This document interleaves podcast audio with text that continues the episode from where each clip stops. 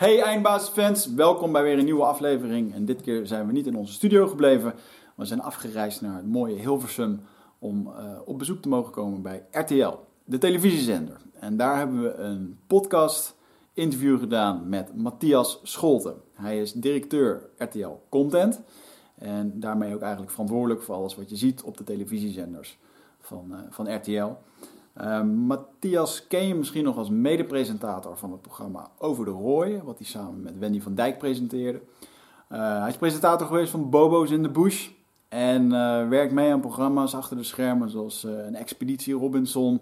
En ja, is echt verantwoordelijk voor hele grote televisieproducties en alles wat RTL daaromheen produceert. Dus we hebben een fantastisch gesprek gehad over hoe werkt die televisiewereld nou, wat, wat is er allemaal voor nodig om een televisieprogramma neer te zetten. En misschien nog wel belangrijker, wat zorgt er nou eigenlijk voor dat een televisieprogramma goed scoort? En hoe is die uh, verhouding ten opzichte van vroeger en nu met de komst van het internet, met vloggers, uh, de interactie of de engagement die ze zoeken met hun publiek? En het was een ontzettend interessant gesprek en ik heb veel geleerd over wat de media voor invloed kan hebben en wat het eigenlijk tracht te doen als televisiezender. De verantwoording die ze zelf voelen voor, de, voor, de, voor de boodschap die zij proberen over te brengen. Daarnaast is Matthias een fervent uh, bulletproof lifestyle uh, aanhanger, oftewel hij is een biohacker en probeert zijn gezondheid, zijn mentale staat en zijn fysieke staat te optimaliseren door dingetjes te meten, dingen uit te proberen. Dus we hebben daarmee ook een fantastisch gesprek gehad over alles wat je omtrent je gezondheid kan verbeteren en hoe je lekkerder in je vel kan gaan zitten. Als laatste wij worden gesponsord door Snack Bewust. Dat is onze sponsor die er maandelijks voor zorgt dat jij iedere maand een uh, gezonde snack in de brievenbus uh, krijgt. Van alles, cashewnoten, parennoten, noem het allemaal op. Um, super makkelijk systeem, uh, want ja, als je toch iedere maand je, je snacks wil eten en je wil wat gezond doen, dan is dit een goede keuze. Snackbewust.nl voor jouw maandelijkse snacks die gewoon thuis worden verzorgd. Veel plezier bij het kijken van deze podcast. Eindbazen wordt gesponsord door Nutrofit. De webshop voor natuurlijke voedingssupplementen en trainingsmaterialen die je helpen bij het verkrijgen van Total Human Optimization. Nutrofit is hofleverancier van merken zoals Onnit, Natural Stacks en Bulletproof Coffee. Probeer onze producten zonder risico door onze money back guarantee. Bezoek ons op www.nutrofit.nl. Bestel je voor 9 uur s avonds, dan zorgen wij dat jouw bestelling de volgende dag geleverd wordt.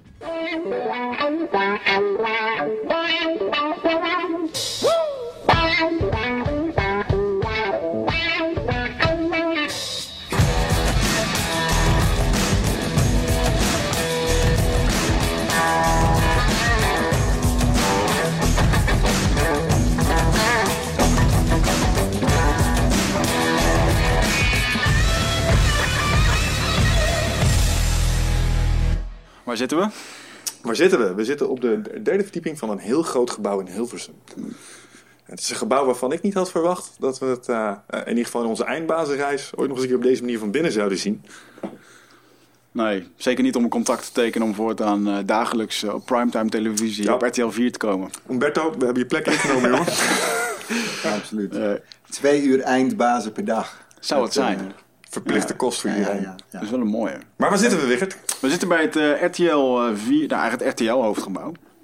En uh, in Hilversum. Mm -hmm. Ben jij hier wel eens eerder geweest? Ik ben hier nog nooit eerder geweest, maar ik weet dat jij het wel bent. Ja, ik, heb hier, nou, ik ben hier een paar keer geweest, maar één keer is wel een mooi verhaal, ga ik even delen. Toen um, had ik kaartjes weten te regelen voor opnames van Jensen. En uh, dan ging ik met twee vrienden heen. Mijn trainer, Remco Perdoel, en een vriend van mij, Frans.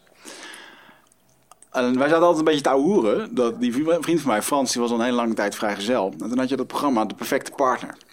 En uh, waarin twee vrienden een aantal vriendinnen gingen uitzoeken voor een vriend. En dan moest hij daarmee op date. En dat was allemaal ja. super ongemakkelijk. Echt gewoon, Vreselijk gênante tv. Ja, leed van maak eerste klas op televisie. Anyway, ik kreeg toen van RTL uh, papieren toegestuurd. Van hé, hey, dit zijn de huisregels van Jensen. Teken ze even, neem ze mee. Ik kreeg dat gewoon in een Word-document. Dus was bij mij natuurlijk appeltje eitje om van Jensen de perfecte partner te maken. het uit te printen. En toen gingen we vervolgens in de auto rijden. Toen die maat van mij die dacht, nou, we gaan lekker naar Jensen. En uh, uh, ik en Remke zei tegen elkaar, nou weet je, als we bij Hilversum zijn, dan geven we die papieren, laat hem even zweten. Nou, uiteindelijk waren we de snelweg nog niet op, Bos. of ik had hem die papieren al gegeven.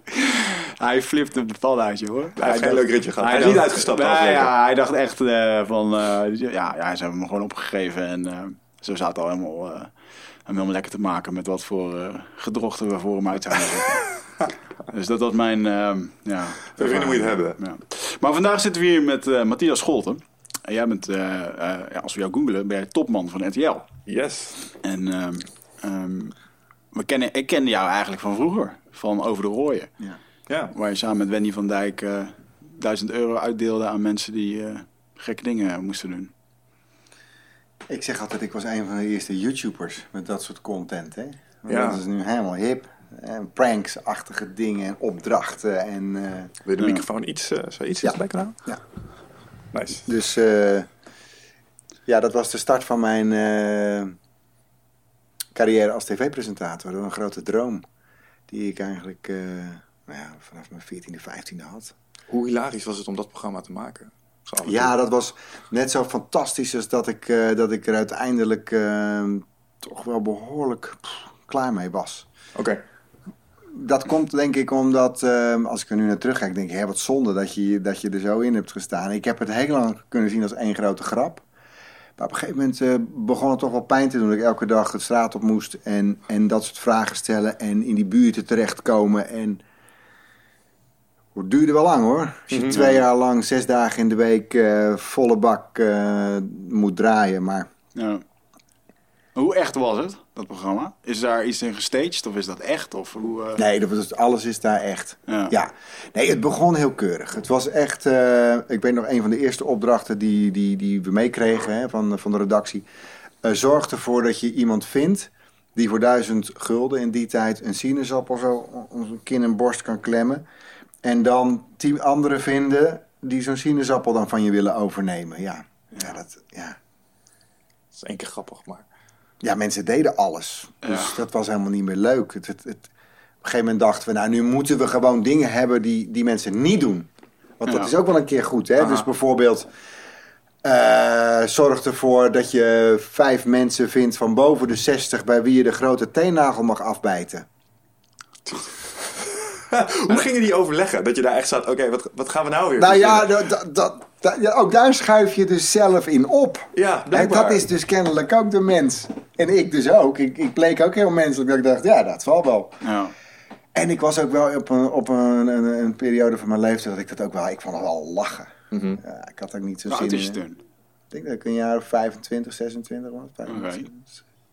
Die richting, ja. Gevaarlijke leeftijd om beroemd te worden. Ja, Ja. Ja. Heb je dat zo ervaren ook? Ehm, het beroemd worden, dat, eh, daar heb ik later pas eh, het gevoel gehad van... Oef, eh, dat vond ik toch minder leuk dan ik, dan ik dacht.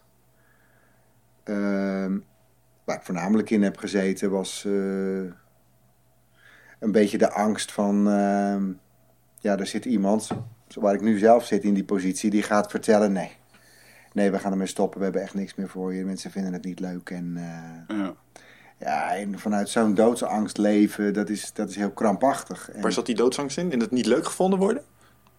Want in elke baan heb je het risico natuurlijk dat je baas op een gegeven moment zegt... Ja, ja, sorry hoor. ja, nou, ik, ja. Ja. Eh, ja, ik probeer, ik probeer, ik, voor mij was het, was het, eh, het falen als BN'er. Mhm. Dan faal je namelijk voor de natie. Een veel groter Ja, dan, eh, het is hem niet gelukt. En hij, hij blijkt uiteindelijk loser te zijn. En eh, Has been. ja, Ja. Ja, dat gevoel, dat, eh, dat, dat, ik denk dat, dat, met, dat ik dat met me meedroeg in een, eh, in, een, in een rugtas. En Is dat ook wat er niet leuk was aan bekend zijn? De, de, de vele ogen die naar je keken? Want je zei, het bleek minder leuk als ik had gedacht. ja, ja kijk, eh, we leven natuurlijk allemaal vanuit een, eh, eh, vanuit een patroon dat je graag gezien of gehoord wil worden. Hè? Dat ieder op zijn eigen manier. Mhm. Eh, voor mij was het al- al- als puber, was het ultieme podium was natuurlijk televisie. Ja. in die tijd. Hè. Het nu nog steeds zo is, dat is de vraag. Maar eh, toen was het voor mij was het of Nederlands elftal, voetbal. Ik, waarvan ik nog steeds denk dat ik het niveau wel nu nog steeds zou aankunnen. Ehm, maar dat vond niet iedereen. Eh, sterker nog helemaal niemand. Ik haalde niet eens het eerste elftal van VV Papendrecht. Dus ja, dan blijft er een volgende droom over. En die was in mijn geval dus televisiepresentator. Dus het was het ultieme, ultieme, ultieme, ultieme, ultieme. Ja. En Wel dan ga je er naartoe. En eh, ja, jezus man. Ja, dan, dan moet je het ook nog maar dragen. Nou, dat vond ik lastig. ja, de komen bleek op zich niet zo bleek te doen. Maar toen je er was, toen kwam er een soort extra druk bij. Ja. Ja, en ik merkte gewoon dat ik eh, naast die camera een veel leuker figuur ben dan voor die camera. Mm. Hè, je wordt toch door die, eh, die, dat verhaal wat je zelf projecteert op zo'n camera, wat dat allemaal dan voor belangrijkheid met zich meedraagt. Ja, daar ga ik me kennelijk toch eh, als een klein kind naar gedragen. En, en, en dus zie je dat en voel je dat. En eh, Hoe, nou, kun je dat concreet maken? Hoe manifesteerde zich dat? Was dat met name ook off-camera? Als je er veel voor stond, dat je een hele pief begon te vinden? Of dat je gewoon, terwijl Nee. je op de camera was, dat zich bepaalde dingen begonnen... Dat je bepaalde dingen zag in je... Ja, ik, ik, ik, ik, ik denk dat ik me in mijn. eh, eh, ik, ik denk dat ik altijd een, een, een stuk naar voren van me heb laten komen van. eh, makkelijke, humoristische, snelle, soort onafhankelijke, vrije gast. Mhm. Hè? En daarom kiezen mensen je ook van, hé, hey, die kan wel zo'n programma presenteren. Hey, dat is wel een figuur die, die, die doet dat op een bepa- bepaalde manier.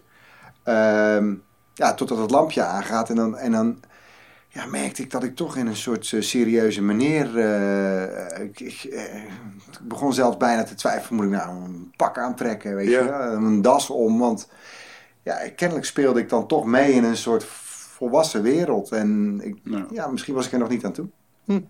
Interessant. Maar daarentegen heb ik het wel uiteindelijk acht jaar gedaan. Eh, heb ik verschrikkelijk veel ervaring eh, opgedaan. En eh, zoveel avonturen meegemaakt die ook geweldig waren. Hè? Ja, dat kan ik me wel voorstellen, ja. Dus dat is, dat is een, een periode. Die, ik wilde juist niet negatief naar kijken. Ik, ik kijk er naar van, hé, hey, dat beleefde ik toen zo. Zoals ik er nu naar kijk, is het een, een machtig avontuur geweest. Mhm. met, met veel reizen, live programma's. Eh, ja, vormen van druk. eh, die, eh, die onvergetelijk zijn. ja. Wat, is, wat zijn daar echt hoogtepunten bij geweest? Als je echt, je zou een top 3 moeten maken, dat je denkt, oh ja, dat. Ja, Nummer 1. Ja, nummer één is, eh, is, is het moment dat ik, dat ik dus daadwerkelijk echt zo'n programma mocht presenteren. Dus, dus, dus dat is dus zeg maar een soort tussenstop van het, pam, het lukt. Ja. Ik werkte achter de schermen bij John de Mol Producties. Ik was daar eh publieksentertainer. En eh, ik heb daar heel veel dingen gedaan achter de schermen. Van productie, redactie tot itemregie, eh, voice-over, whatever. Mhm. Maar ik had één droom en uiteindelijk heb ik een soort moodtape, een VHS-band met op de zijkant geschreven. Geachte heer van Westerlo, u gaat starten met een nieuwe zender SBS 6. Ik zou graag bij u komen presenteren. En die heb ik gewoon opgestuurd en eh verrek je, ik werd gewoon gepeld. Mm. Ja. En dan, dat is eigenlijk de grote, de, de, het, het, de grote euforie geweest. Mhm. en, en daarna, eh, eh, over de rode is, het, is, is, is mijn sweepertje. Dat is inmiddels 20 jaar geleden of 19 jaar geleden. Maar ja, dat is, ja, dat heeft zo'n impact gehad. Aha. Ja. Ehm, maar ik heb ook Bobo's in de Bush gepresenteerd. Toen Ja. eh, gingen we met een groep... eh, Ja, lachen. Ja, we hebben nog een van de. Wat ik er nog van weet, is dat dat. Was dat niet het programma waarbij Theo op een gegeven moment met Theo met een speer achter Ja. een varkentje aanliep? Ja, daar heeft het volgens mij nog met hem over gehad. ja, en ook die eh, blonde oudere dame, die, die Bonnie Sinclair Ja, ja. of zo, daar gooit hij dan de veun van weg en zo. Ja, dat is met er met name van bijgebleven, ja. ja, Een ja. hilarisch programma was dat. ja, Ook die... Dus, ja. de- maar dan zit je dus wel eh, een lange periode, en ik heb twee, keer, twee sessies gedaan, zit je in, in Borneo, weet je. En trek je met een groep eh, en met gidsen daar echt gewoon de jungle door. Mhm. Ja. En slaap je in longhouses en, en kom je in contact met de IBAN-stam en Mooi. zit je in zo'n... zo'n en dat was, het- was ook, vond, vond ik ook een, een, een machtige ervaring, dat je... Je gaat met zo'n longboot ga je de jungle in. En eh, uiteindelijk was er via de, een gids, een voormalig lid van de IBAN-stam, konden we slapen eh, in zo'n longhouse. Het is zo'n huis op palen, Ja. Ja. met zo'n veranda ervoor. Links zitten dan de vrouwen en rechts zitten dan de mannen. En eh, echt nog gewoon met lendendoeken. Ja. En we kwamen daar aan. En, en die leider van die IBAN-stam, die, ik weet niet wat er was, maar hij herkende hem dan mij als de leider van die groep. Hè, dus ik moest met hem ook zitten en met die gids tolk vertalen. Vertelde hij verhalen over het leven in die stam. Maar ook bijvoorbeeld, het was de Headhunters Trail die we gingen doen. Dat het was eh, de koppersnellersroute. En eh, hij vertelde dat hij zelf een Japanner had onthoofd eh, in het einde van de Tweede Wereldoorlog. Wat? En hij, hij moest een, ging zijn kapmes halen en moest ik mee op de foto met zijn kapmes. En dan had hij nog kerfjes in staan. Hoeveel stonden daarin? En daar hingen nog een mes waar dan... Want eh, ze haalden dan ook de, echt letterlijk Scalp. de scalp, scalperen. Ja, ik vond het een bijzonder verhaal. Dat is een andere dus- wereld. Ik ben daar ook een keer geweest. Zag ik inderdaad, eh, schedels hingen daar nog aan het plafond. Ja. De laatste mensen zijn volgens mij inderdaad rond eh, WO2 eh, onthoofd. Ja. Daarna is het niet meer, eh, bijna niet meer voorgekomen. Gele- 1960 volgens mij de laatste keer of zo. Dat, Ja. eh, Ja. dat is vrij recent, man. Ja. Mhm. Ja. Leven, ja. Leven nog mensen uit die tijd? Ja. Ja, die mensen leven daar Ja. nog steeds. Die mensen leven daar ook nog steeds. Ja. Ja, hij heeft het zelf zelf nog gedaan, hoor ik net. Dus ja, oké. Ja. Hoe is het om met zo'n meneer te praten? Verandert je perceptie nog van zo'n man? Dat je ineens weet van, hé, deze heeft gewoon iemand zijn hoofd eraf gehaald. Ja, dat is heel raar. Maar wat me, erg, wat me erg bijstaat is het feit dat we continu in een soort lange bamboestaven werd, rijstewijn eh, geserveerd. En ik, ik mocht dat niet weigeren van die gids. Dus ik werd katje lam daar, joh. En ik dacht, wat doe ik hier? Ik wil dit helemaal niet. En die man die zat daar en er was een onbeschrijfelijke stank die er vandaan kwam onderuit die, eh, uit die, uit die palen. Ja. Dus de- zo heb ik volgens mij die avond en nacht beleefd. Dus het was. eh, Lam eh, in een stinkende ja, hut. ja, ja. Ah, eh, achteraf eh, sensationeel. Hè, vind, ik dat, vind ik dat. Als je het hebt over wat zijn de hoogtepunten, hè, dat zijn dan dat soort ontmoetingen geweest. Snap ik. Hoe was het om in zo'n omgeving met een club BN'ers rond te lopen? Misschien heb ik ten onrechte het beeld eh, van BN'ers als een... Als je die in een groep gooit, dan heb je te maken met een club. Ego's, diva's, mensen die een bepaalde mate van comfort zijn gewend. En daar ging het programma natuurlijk ook wel een klein beetje over. Maar off-camera zullen natuurlijk ook... Hoe is dat? Ik bedoel, jij kijkt op een afstand naar. eh, Misschien ook wel met een soort fascinatie om te zien wat zich daar allemaal ontvouwt. Of viel dat mee?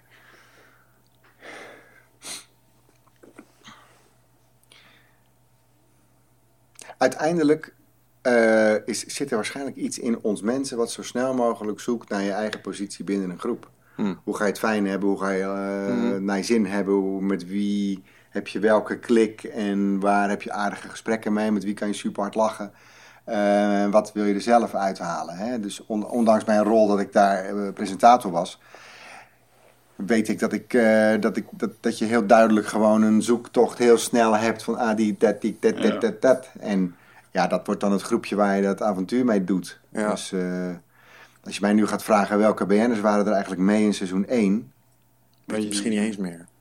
Ja, de enige wat ik nog weet was eh, Danny Rook. Danny Rook won. Die kende ik al van, ik weet niet of jullie Danny Rook nog kennen. Nee, ja. Zijn we nu cultuurbarbaren? Nee, helemaal niet zelfs. Nee, ik, ik merk nu dat ik wat ouder ben. Ja. Wie, wie was het? Wie is het? Danny Rook was een, was een, een, een presentator een tijd van Veronica TV, jeugd-tv. Ehm, die ging ook mee, maar die had getraind. En die had zich echt voorbereid aan die, eh, aan die tocht. En dat was impressive. Eh, dus dat weet ik nog. Oké. En volgens mij was hij heel erg close met eh, Horace Cohen, comedian. En het is inderdaad zo dat Mental Theo... We we kwamen bij die IBAN-stam aan en die hadden daar een zwijn voor ons. Poten zo vastgebonden.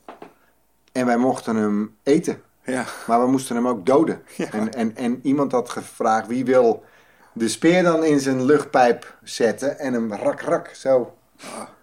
Ja, nou daar kwam Mental. Ja. Ziet hem wel doen. Ja, ja en die, die, die, maar die prikte mis. Dus het was een gegil, jongen. Het was verschrikkelijk. En Mm. ja, daar kregen we de, de dierenbescherming thuis voor op ons nek terecht. Mhm. Terecht. Achteraf dat je denkt, jezus joh. Ja, is het terecht? Ja, Want ehm, je bent daar in die cultuur eh, waar dit op deze manier gaat. En wij doen er allemaal, eh, wij vinden het allemaal ontzettend zielig hier als het dan een keer op televisie komt. Eh, ik weet nog wel, bijvoorbeeld de Belgische televisie heeft daar een heel mooi item op een gegeven moment over gemaakt. En hadden een reportage gemaakt over een klein lammetje. Hoe dat het lammetje helemaal opgroeide en wat er allemaal mee gebeurde. En na vijf afleveringen eh, zeiden ze, nou, dit lammetje gaat nu naar het slachthuis. En heel België ging over het lammetje heen. Nee, dit kon niet. En iedereen had in één keer gevoel voor het lammetje. Ja. Terwijl, ja, weet je, het gebeurt in dat soort inheemse stammen eh, aan de dagelijkse, eh, aan de lopende band. Dus waarom vind je het terecht dat de dierenbescherming hier in Nederland er moeilijk over loopt te doen dat, dat, dat jullie daar meegaan in hun traditie? We gingen niet mee in hun traditie, hè? dat is natuurlijk het ding. Als je, eh, in de traditie heb je eh, verstand en, en ervaring en beheers je dus de techniek hoe je dit zonder dat het zwijn hoeft te lijden eh, doet. Ja, ja, ja. Hè, dat, is een wat, al- dat vind ik toch achteraf een ander verhaal dan dat je eh, Ja, het is natuurlijk ook nu tv. eigenlijk ten faveur van een product ben je, Ja. in, ben je een risico aan het lopen of, of die zwijn, dat zwijn pijn krijgt en gaat lijden, ja of nee. Ja, maar het was voor op televisie. Dat is, dat is dan wel een argument om... eh, Ah, dat, en dat, kijk, en dat beseften die, die leden van de IWAN-stam natuurlijk niet. Hè, die, die doen dit en die vragen dit om voor ons te doen. ja. Dus wat dat betreft is het inderdaad wel eh, eh, de traditie. Hè? Want er moest bloed vloeien voor de gasten die daar kwamen. Hè? Dus dat was ook voordat je het trapje opging naar, de, naar dat huis. Moest dat daar gebeuren. ja. Dus de intentie van die stam die was op zich niet verkeerd. Eh, althans, zij geloven in dat verhaal. Want ja, omdat, het is heel makkelijk natuurlijk ook om inheemse stammen te romantiseren. Hè?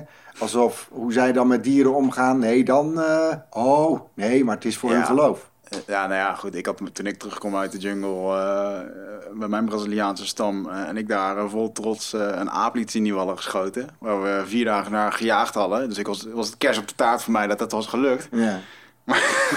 werd niet goed ontvangen, nee. op Facebook. Dat ben je in één keer alsof je er een handtas van hebt gemaakt, weet je wel. Ja, ja, wat hebben ze met die aap gedaan? Opgegeten. Ja. Alles wordt gebruikt. Ja, tot, precies, eh, ja. En, nou, ik stond gewoon, die aap was dood. Ik pakte die op bij zijn staart, stond op de foto. Ja, ik heb hem gezien. Ja. Triom- triomfantelijk. En ja. ja, als ik dan zie hoe zij met dieren omgaan en eh, dat als ze een bepaalde aapsoort tijdens het jagen niet tegenkomen een tijdje, dan jagen ze niet op, vertellen ze tegen elkaar. Dus als er iemand bewust bezig is met, eh, met dieren en in stand houden, dan zijn hun het. Ja, nee. Kijk, jij hebt een beeld gecreëerd met die foto. Hè, eh, alsof jij het als trofee zag. Zoals van, van, die, van die vreselijke toeristen die op Ja. leeuwen en op uh, Ja, ja, zeker. Ja, ja, dat, Hè, dus dus ja, dat, dat is gewoon wat, wat de mensheid in jouw foto ziet. ja, ja. Context. Het gaat altijd om context. Ja, grappig is dat. In dat kader, dit idee is, eh, dit is blijkbaar een idee dat is ooit eens, eh, is dat, eh, is dat on the fly daar trouwens bedacht? Of is er van tevoren overlegd, hey, gaan we dit in beeld brengen? Gaan we dit uitbrengen? Daar is ergens, denk ik, stel ik me dan altijd voor, soms zit ik naar tv-programma's te kijken en dan zie ik dingen op tv en denk, er is een meeting geweest over dit programma. Hier hebben een paar knappe koppen bij elkaar gezet en gedacht, ah, dit kan, dit kan, nou gaan we gewoon doen dit. En denk ik, hoe? En ehm, zijn er ook, want eh, dit is dus blijkbaar wel, zeg maar, de filter doorgekomen. Zijn er ook wel eens ideeën, zeg maar, die voorbij zien komen dat je van, nee, nee, nee, dit gaat gewoon echt niet gebeuren. Want je hebt het, eh, we hebben het nu over een paar hoogtepunten gehad. Misschien heb je ook wel eens wat ideeën voorbij zien komen dat je echt dacht van, ah, als we dit ooit gaan uitbrengen, dan stop ik met wat ik aan het doen ben.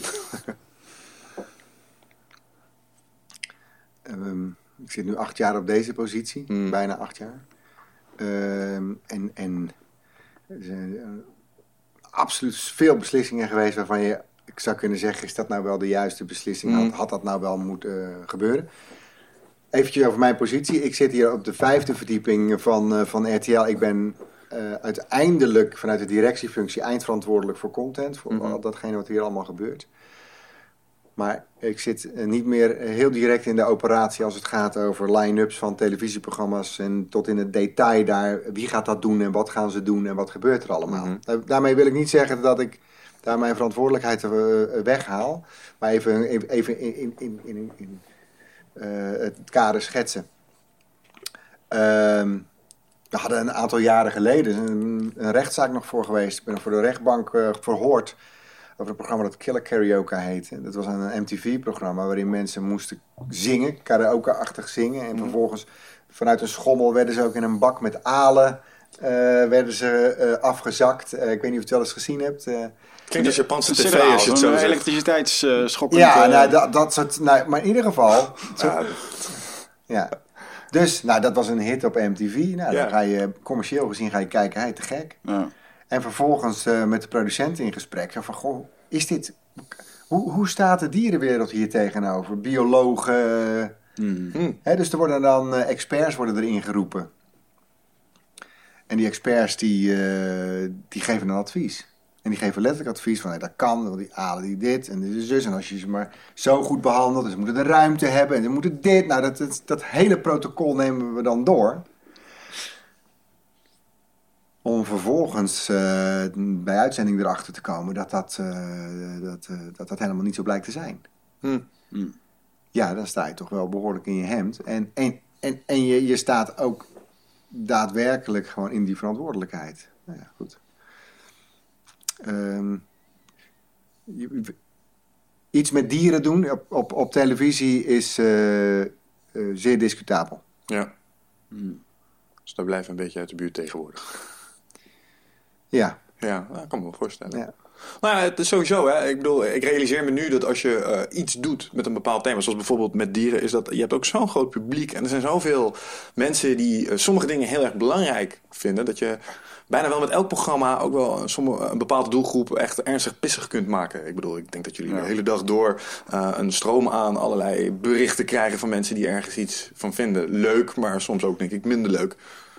Dus Ja, ja, dat is- dat, dat, lijkt me heel Ja. moeilijk omdat je, kan- je kan iemand, niet iedereen tevreden houden, lijkt me. Nee, er zal maar- altijd wel iemand zijn die iets te, te mekkeren heeft, dus wat ik moet Nee, maar dat is, dat is de rode draad van, eh, van, eh, van dit vak. Is, eh, dus wat je ook bedenkt. Mhm. Ehm, en dat zit hem op het feit van, ik vind er geen reet aan. Eh, ik vind het veel te plat. Het is mij te ordinair. Eh, die- die is te dik. Eh, ja. dat, dat, maar, maar daar, dat is toch wel zo... ehm, dat dat soort eh, eh, emoties... Waarvan je, die ga je heel snel filteren. En je, hebt, je hebt voor jezelf al, al een, een, een, dagelijkse filter in je, in je brein zitten. Hè? Wat, wat laat je wel en wat laat je niet toe.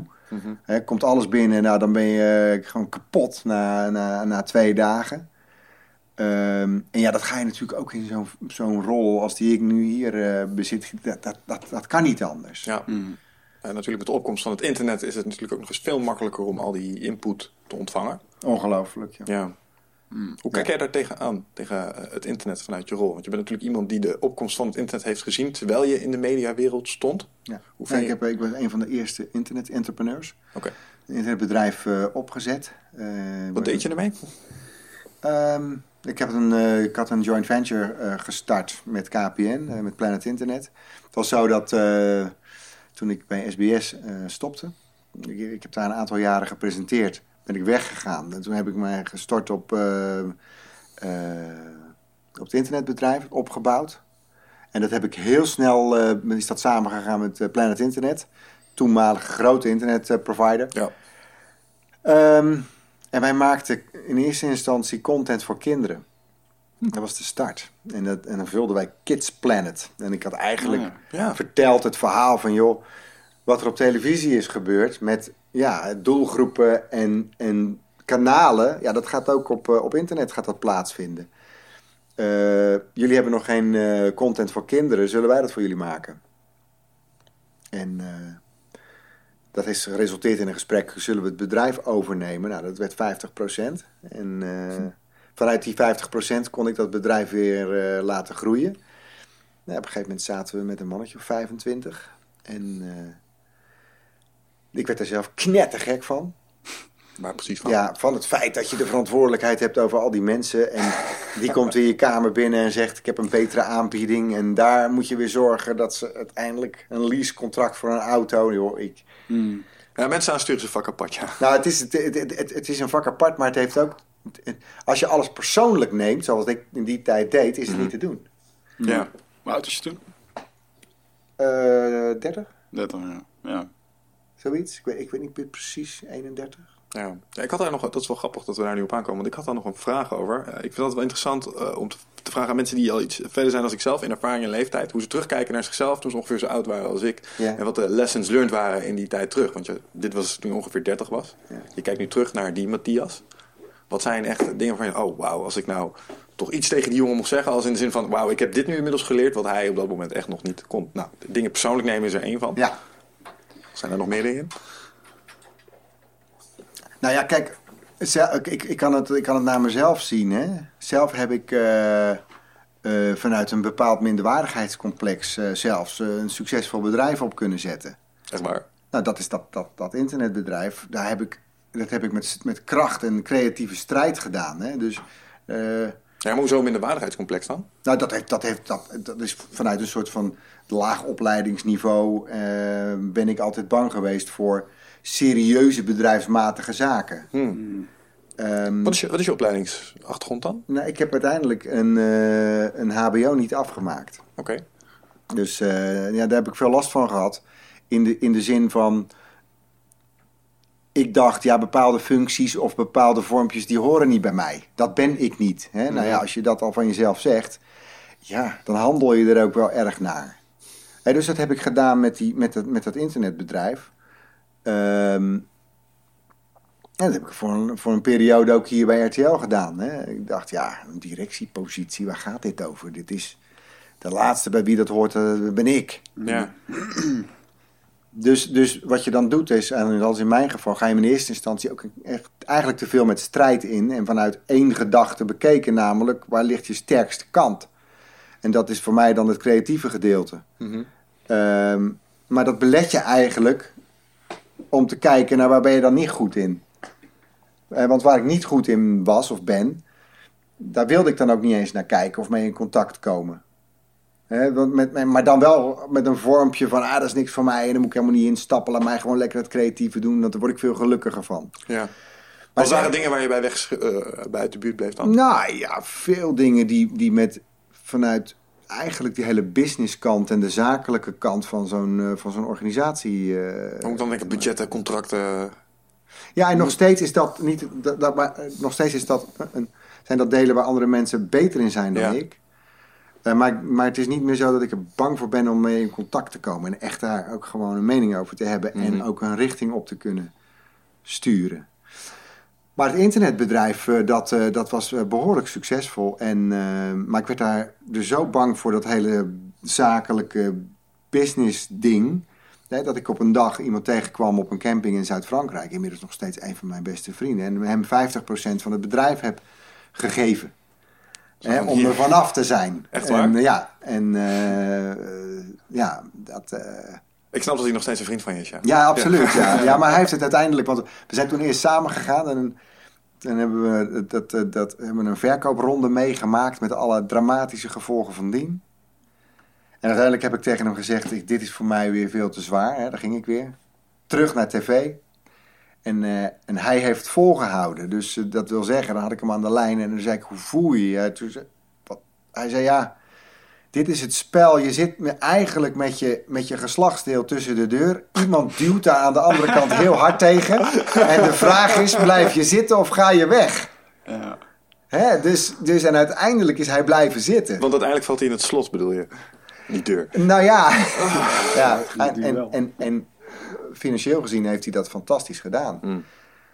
Eh, of dat ook levensvreugde heeft gebracht. eh, zo, zo, of, of kwaliteit van leven, dat is wat anders dan levensvreugde. Dan, eh, dat vraag ik me af. Mhm. Ja, snap ik. Alright, en als je... ehm, want we, we hadden het natuurlijk over de transitie van eh. Je hebt dit meegemaakt in de transitie van het internet. Je hebt zien opkomen. Nou, je hebt ervaring in, in internet gedaan. Ehm, je ziet nu op het internet ehm, allerlei mensen opkomen...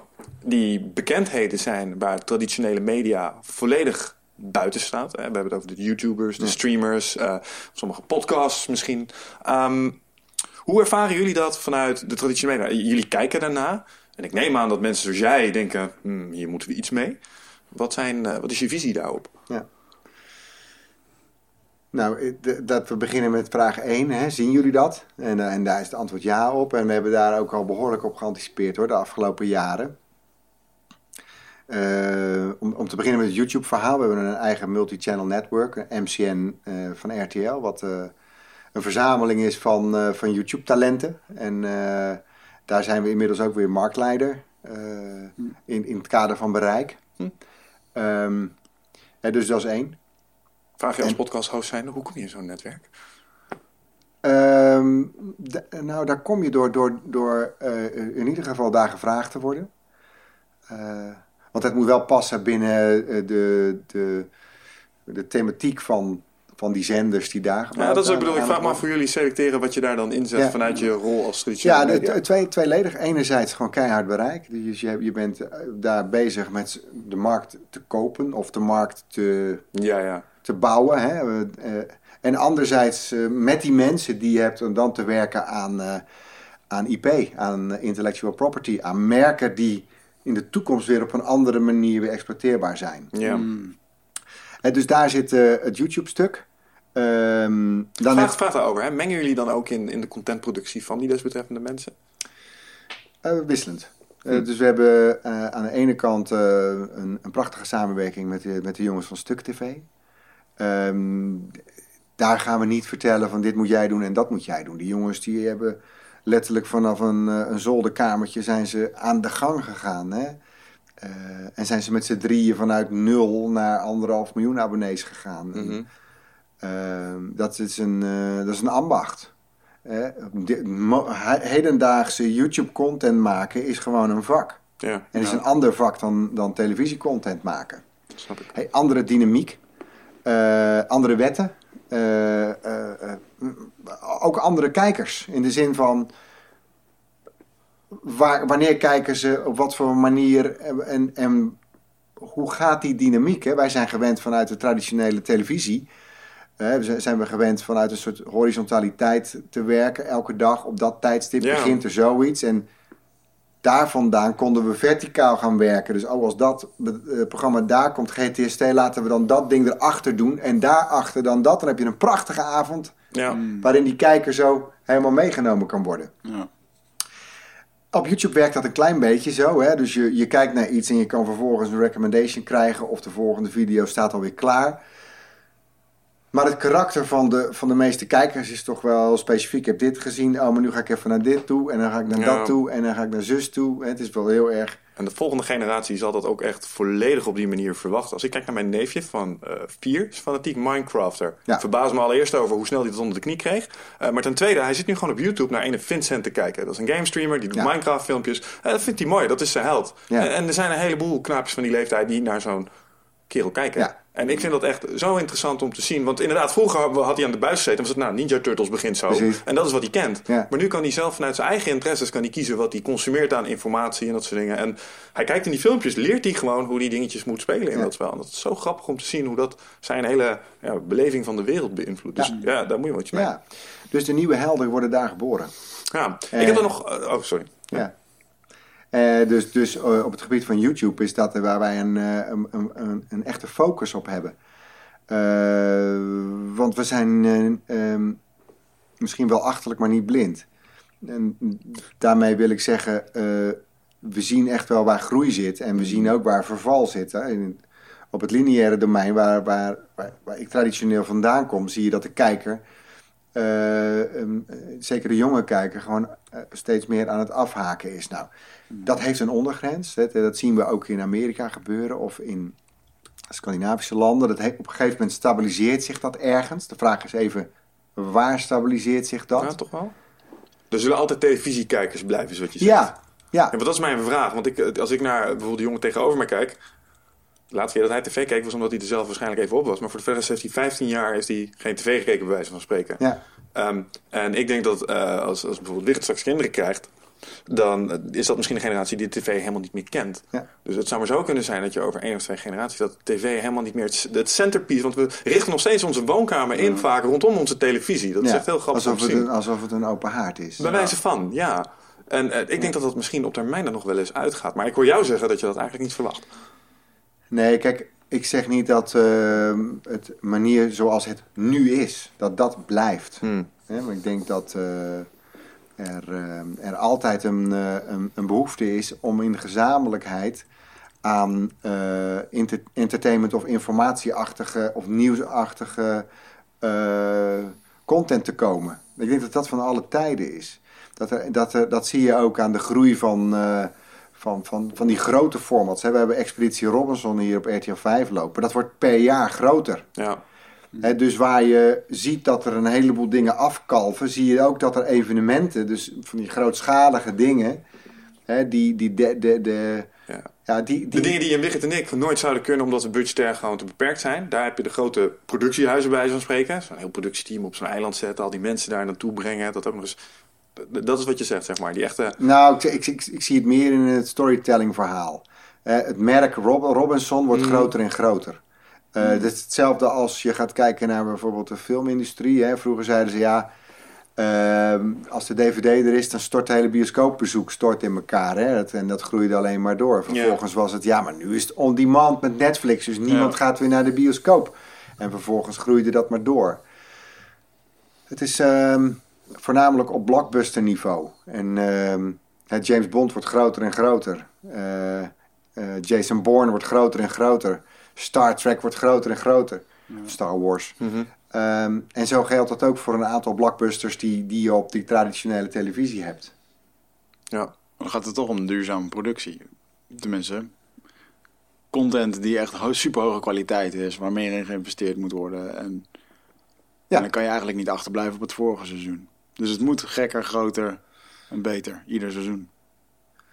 Ehm, ja, kijk, het, het verhaal moet anders verteld worden. Kijk, ik heb zelf ooit ehm, het programma Top Chef eh, geproduceerd en ontwikkeld. Dat was een, eh, een, een zoektocht naar een, eh, een nieuwe chef, Mhm. chef-kok. En daar ging het heel erg over de, de traditionele chef die dan ging beoordelen hoe goed is dit gerecht. Mhm. Eh, Masterchef kwam naar Nederland, ook succesvol. En zo was er een genre. Hè? Ja. En nu gaan wij een nieuw... Hoor ik je daar zeggen dat jij verantwoordelijk bent voor al die kookprogramma's die ik de afgelopen tijd heb moeten doorstaan? Heb jij Eh, die trend gestart? Ik heb, nee, ik Ja, heb er wel een aantal, ik heb er wel een aantal inderdaad. eh, ja, ja, ja. Ja, mijn vriendin die heeft echt heel veel van dat soort programma's Ja, kijken. Ja. Maar dan heb je het vooral over eh, Gordon Ramsay in de keuken. Die Ja, nee, maar het was, eh, het was een tijd zo Of ongelooflijk hip. Echt, op elk kanaal waren echt, ik weet niet hoeveel kookprogramma's. Ja. Op een gegeven moment Wij helemaal klaar. maakten hier Topchef, Wie is de Chef, Over de Kook. Eh, dat soort programma's inderdaad, ja. ja, ja. Ja, gaaf. Maar nu hebben we een topchef gaan we introduceren... waarin we niet op zoek zijn naar een nieuwe chef... maar we gaan op zoek naar een nieuwe tv-chef. En dat is even wennen, want wat betekent dat dan? En eigenlijk is het voor het eerst dat je nu... wat we eens even bij de opname gaan kijken... dat je net als bij een zangwedstrijd... als eh, consument, als kijker... bijna... je kan nu inmiddels ook een oordeel, echt een oordeel hebben over... ja, dit vind ik goed of nee, dit komt bij mij niet goed binnen. Hè, dus het, het verhaal Top Chef heet nu Top Chef Academy... eh, waarin we eigenlijk ook nog steeds een kookwedstrijd doen... Alleen het verhaal wordt opeens anders verteld. Dus het hoeft niet altijd groter en meer en meer budget. Hè, Het is soms ook gewoon een soort van paradigm switch. Ja, en ja, ja. we gaan het verhaaltje anders vertellen. En is dit ook iets waarbij je eh, engagement met het publiek eh, aangaat? Want die is uiteindelijk degene die bepaalt of dat iemand op tv geschikt is of niet. Ehm, iets minder. Ehm, dat heeft te maken met het feit dat je iets heel lang van tevoren opneemt. Maar het liefst zou Ah, ik- dat, is, dat is wel het meest ideale. Ja. Ja, de echte live programma's is je engagement natuurlijk het hoogst. Hoe, Ja. kijk, je, hoe kijk je daarna naar de technologische ontwikkeling? Ik, bedoel, ik, ik zie het eh, op programma's een plek worden gegeven. Heeft dat de, de dynamiek die je ervan hoopt als eh, zeg maar producent? Of, Ja, dat zijn ook, het zijn allemaal ehm, van, die, van die cycles. Hè. Je kreeg eh, twee jaar geleden in één keer de hype dat iedereen moest meebeslissen thuis. En eh, dat kon dan ook met een, juist. een op de knop. En dan was het helemaal van, en dit was het. sms'en met idols. Ja. Dat was ook een ding. Hè, dus, dus, eh, en wat je nu ziet is de, de, de, de prikkel dat ik ook een stem heb. Ja, Zo zijn we wel gewend. ik wil gewoon geraakt worden nu joh, door zo'n zo, zo'n stem waarvan ik niet verwacht dat het. Sprookje echt uitkomt. Mhm. Hè, die, die, die, die- dus ik zit nu helemaal niet meer echt in de behoefte van ook wil, ik wil mee, echt meestemmen hè, met, eh, met zoiets. Als ik iets interactiefs nu zou willen, dan wil ik wel dat het zo'n diepe betekenis voor mijzelf heeft.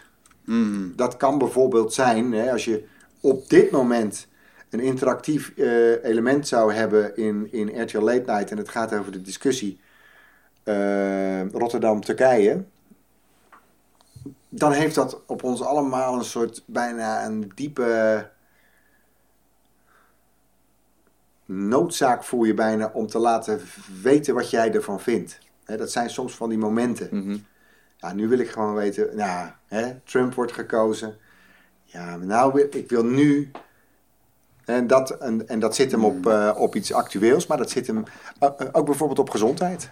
Eh, heel erg bewust van, eh, eh, wij gaan jou dit laten zien. Je kan een test doen, doen direct mee. En de uitslag over, eh, zal jij ooit kaal worden, krijg je aan het eind van de uitzending. Ja, dat is weer zo'n prikkel. Ja. Hè, ik ken de test nog niet overigens, maar je, je, je- dat is iets waar, waar, waar, waar die interactie wel degelijk eh, Waarde heel heeft. erg prettig en waarde heeft. Ja. Ook interessant wat jij net doet. Je net een eh, beetje politieke kwestie die op dit moment speelt. Dan heb je het natuurlijk ook over... ehm, waarbij je van de onafhankelijke media sites hoort... dat de media verantwoordelijk is voor, een heel, voor, eigenlijk voor een hele hoop... wat er qua beeld geschetst wordt als het gaat om oorlog, economie, politieke leiders. Ehm, en daar komt de, de media waar we nu vandaag in dit pand in zitten... en eh, die ook het nieuws verzorgt hè, met het RTL Nieuws... en alle nieuwsbronnen die hier op dit terrein zitten... komen daar niet goed vanaf. Wat is jouw mening over de invloeden van buitenaf... ehm, op, de, op het nieuws wat uitgebracht wordt naar de buitenwereld? Is dat inderdaad echt zo? Dat het allemaal gecontroleerd wordt en dat het onderlinge connecties heeft... waardoor bepaalde dingen gewoon absoluut niet aangeraakt worden? Of... Mijn ervaring niet. Zou ik ook zeggen. Ja, nou ja, prima. Eh, Nee, grapje, maar... Dus in dat opzicht, ja, ik begrijp wat Wichert bedoelt. Mass media. Eh, Bijvoorbeeld, een, waar ik aan moet denken als jij dit zegt, is bijvoorbeeld het verschil tussen CNN en Fox. Ja. In Amerika. Als je ziet wat daar gebeurt, het is, het is zo gekleurd, de berichtgeving, Ja. al daar. Maar bijvoorbeeld laatst was daar een, een Zweedse reporter. Die, doet was helemaal, die, die was gewoon ergens een acteur. Die hebben ze gewoon terug nog weten te halen met een of ander verhaal. Die, die had helemaal geen Zweedse achtergrond of wat dan ook. Eh, bleek voor de CIA te werken. In scène gezet. Ja. Ja. En die staat daar dan iets te vertellen dat hij verantwoordelijk is voor eh, eh, iets in de politiek in Zweden. En echt gewoon een bullshit verhaal. ja, je hebt in, in Amerika heb je- hebben, hebben die nieuwsorganisaties of die zenders... die hebben ook daadwerkelijk wel een uitspraak gedaan... welke politieke kleur ze ondersteunen hè, of ze zijn. Ja. Ehm, en dat is weer een bewuste keuze om weer een bepaald selectief kijkerspubliek naar zich toe te trekken. Mhm. Eh, Nederland is daar, daar we- we- we- we eigenlijk gewoon een, een, een, een land in waarin dat eigenlijk niet echt serieus wordt genomen. Ja, de VARA heeft een tijd dat tempel gehad van linkse tempel. eh, Ja. ehm, Het klinkt mij alsof dat we iedereen een beetje te, vri- te vriend proberen te houden. Stel dat bijvoorbeeld een zender heel stellig zou zeggen: joh, wij doen niks met, eh, met met VVD of wat dan ook. Ehm, dan zal de VVD geen geld meer stoppen in reclames en allerlei andere dingen die geld opleveren. Waardoor eigenlijk een bedrijf bedrijfsmatig beter kan zeggen: van ja, weet je, we houden ze gewoon te vriend, hoeft het er niet mee eens te zijn. En ehm, ja, er zijn spanningsvelden, is wat je ja, zegt. ja. Wat is je rol? Wat is onze rol? Als zijn RTL bedoel je? Ja? Is, het, is het onze rol om daar stelling in te nemen? Ja, Of is het onze rol om te laten zien wat er op dit moment gebeurt in de maatschappij? Eh, is, het, is, het, is het onze rol om daar de grenzen te bewaken? Of is het onze rol om vragen te stellen? Ja. Of om. maar dat, Eh. is de, dat is de vraag die ik aan RTL stel. Wat is jullie rol daarin? Nou ja, dit zijn de vragen die wij ook onszelf stellen. Ja. Van god, wat is dan Mhm. de rol van ons en hoe gaan we ons opstellen in deze situaties? Maar heel, heel direct eh, is het één groot complot. Eh, en worden we aangestuurd vanuit een grotere macht die, die gewoon zegt: doe je dit, dan gebeurt er zus. Ehm, het moet wel heel raar zijn mocht dat echt zo zijn. En ik zit hier al acht jaar hoor. Eh, Dan had je het gemerkt. Dan denk het wel. Ja. Ik, ik, Nou ja, het- ik snap wel dat het allemaal gelinkt is. Ik bedoel, Nou, maar Wij- kijk wij- waar redacties in nieuws vandaan haalt. Hè? Ik bedoel, je hebt toch iets als het eh, NPR, geloof ik? Ik bedoel, elke redactie staat in contact met een aantal internationale organisaties die, waar, die nieuwsberichten zeg maar, ophoesten. En daar kun je dan eh, volgens mij voor kiezen om die op te nemen in je bulletins en dat soort dingen. Ja, ik denk dat als je daar keuze hebt uit een bepaald palet, dat je die neemt. En het is een beetje afhankelijk van wat je voorgeschoteld krijgt. Maar ik begrijp ook wel wat jij zegt, want ehm, de berichtgeving in Nederland is natuurlijk, het is logisch, we zitten in de EU, is behoorlijk pro-westers. En Ja. eh, er zijn andere eh, perspectieven eh, te uiten, maar die passen niet noodzakelijk in het westers wereldbeeld. Maar ja, dat weet denk ik, tenminste jij en ik weten het. En ik denk dat de gemiddelde Nederlander ook wel in de gaten heeft dat hij naar een zender zit te kijken die zijn eigen overheid ondersteunt. Ja. Toch? Dat, dat gebeurt toch in alle Ja, landen? maar als ik bijvoorbeeld kijk naar mijn moeder, hoe dat die, eh, eh, die kijkt dan heel graag het nieuws, zodat ze op de hoogte is van wat er dan in de wereld gebeurt. Mhm. Ja, Mark Twain heeft daar een hele mooie quote over. Dat eh, als je ehm, het nieuws kijkt, dan word je gemisinformeerd. Als je het niet kijkt, dan mis je in principe niks. Ik, ik ben wel van mening dat de tijd die je kijkt naar televisie in 10 minuten, dan wordt dan een kwestie beschreven. Dan hebben we het weer even over nieuws, ehm, echt nieuws. Je krijgt nooit het hele verhaal te zien. Nou ja, het verwijt wat er wordt gemaakt is dat er heel veel wordt ingezoomd op angst. Het is altijd oorlog, het is Hmm. altijd strijd, het is nooit eens positief. Terwijl als je op het internet kijkt en je komt bijvoorbeeld op bronnen zoals, ik noem maar iets, eh, Reddit. Reddit is een heel groot, eh, hele grote website, er komen een heleboel mensen, wordt allemaal user-generated content. En daar kun je ook een heleboel positiviteit kun je daar vinden. Hè? De, zeg maar de redenen waarom het wel goed zou gaan in de wereld. En het verwijt dat wel eens wordt gemaakt is dat we voornamelijk inzoomen op al die zaken die niet, weet je wel, die, die Nou, niet wat- goed gaan wat in de wereld. Wat, wat, ik, wat een beetje opvalt aan, eh, aan jouw quote, dat is eh, dat jij dus verwacht van een, eh, een zender als RTL dat zij de almighty vader zijn.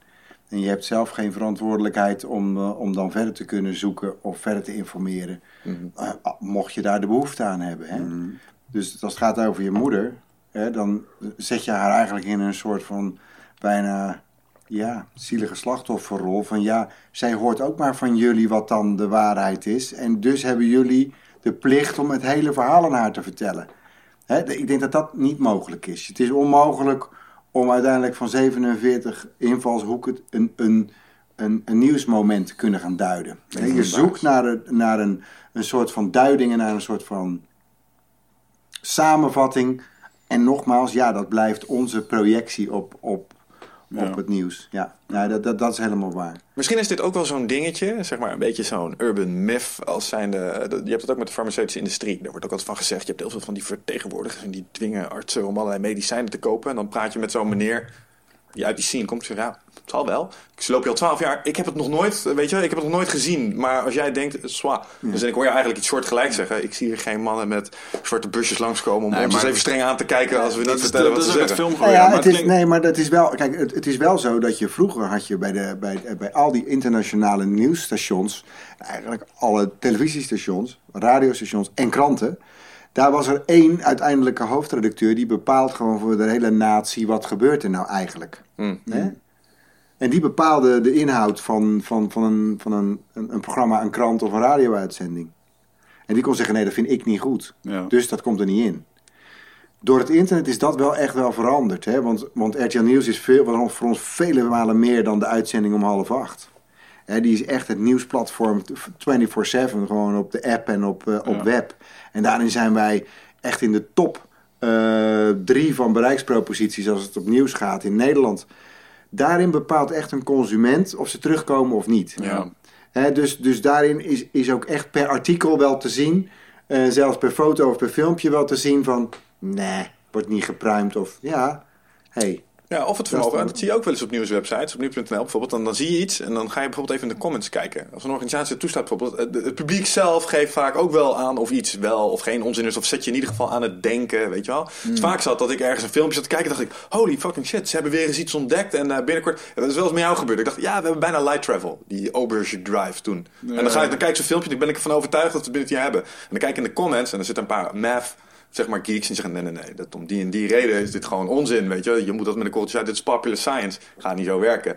En dat is ook een werking die er sinds kort is. Ja. Want het publiek dat meekijkt kan ook gewoon tegen de rest van het publiek zeggen, ehm, Ja. sorry, maar Ja. dit, dit klopt niet. Nee, maar zo bedoel ik het ook een klein beetje met de verantwoordelijkheid neerleggen bij één partij, hè, die, die dat dus doen. En ben je dan zelf dan ook nog in staat om, hè, want die, ja, die tools die zijn er toch echt wel tegenwoordig, hè, om in staat te zeggen, ja, wacht even, ik wil toch even vragen erover stellen of eens kijken of er een andere Ja. kleur is. Ja. Maar Maar kijk, als maar- consument heb je wel, heb je op dit moment toch wel de keuze. Maar kijk, kijk naar verschillende, als ik kijk naar verschillende niveaus. Mijn moeder leest de krant en kijkt naar de televisie. En ja, zit verder niet heel veel op internet, op de sites waar dan die extra info staat. Of andere invalshoeken. Of eh, als ik bijvoorbeeld een discussie met mijn moeder heb over bijvoorbeeld vaccinaties. Eh, wel of niet goed. Ja, ik heb daar hele onderzoek over gelezen. Ik, ik heb een bedrijf in de gezondheid en voedingssupplementen. Dus ik heb wel het gevoel dat ik me erg goed op in ben heb gelezen. Als ik die discussie met haar aanga, dan gaat zij alleen af wat zij een keertje van die specialist vijf minuten bij Barend en van Dorp heeft eh, eh, gezien of zo. Ja, maar dat, Dus- ik denk dat dat ook nog traditioneel Ja, is. Dat, dat is is gewoon ook de generatie is gewend om de tv ja. en de, de nieuwe generatie. Anderzijds, volgens mij Ja, maar dit is een, een interessante discussie, want jij, waarom gaat je moeder dan niet mee met jouw verhaal? Omdat dat is een stukje leeftijd. Het Ja, is, maar is toch te makkelijk? Nou, ik merk met haar dat zij niet zelf in die onderzoeken zit te duiken op internet. eh want is ja, het ook geen interesse. dat is ook geen interesse. Ja, maar dat weet is je, het toch ook. Dus je kan...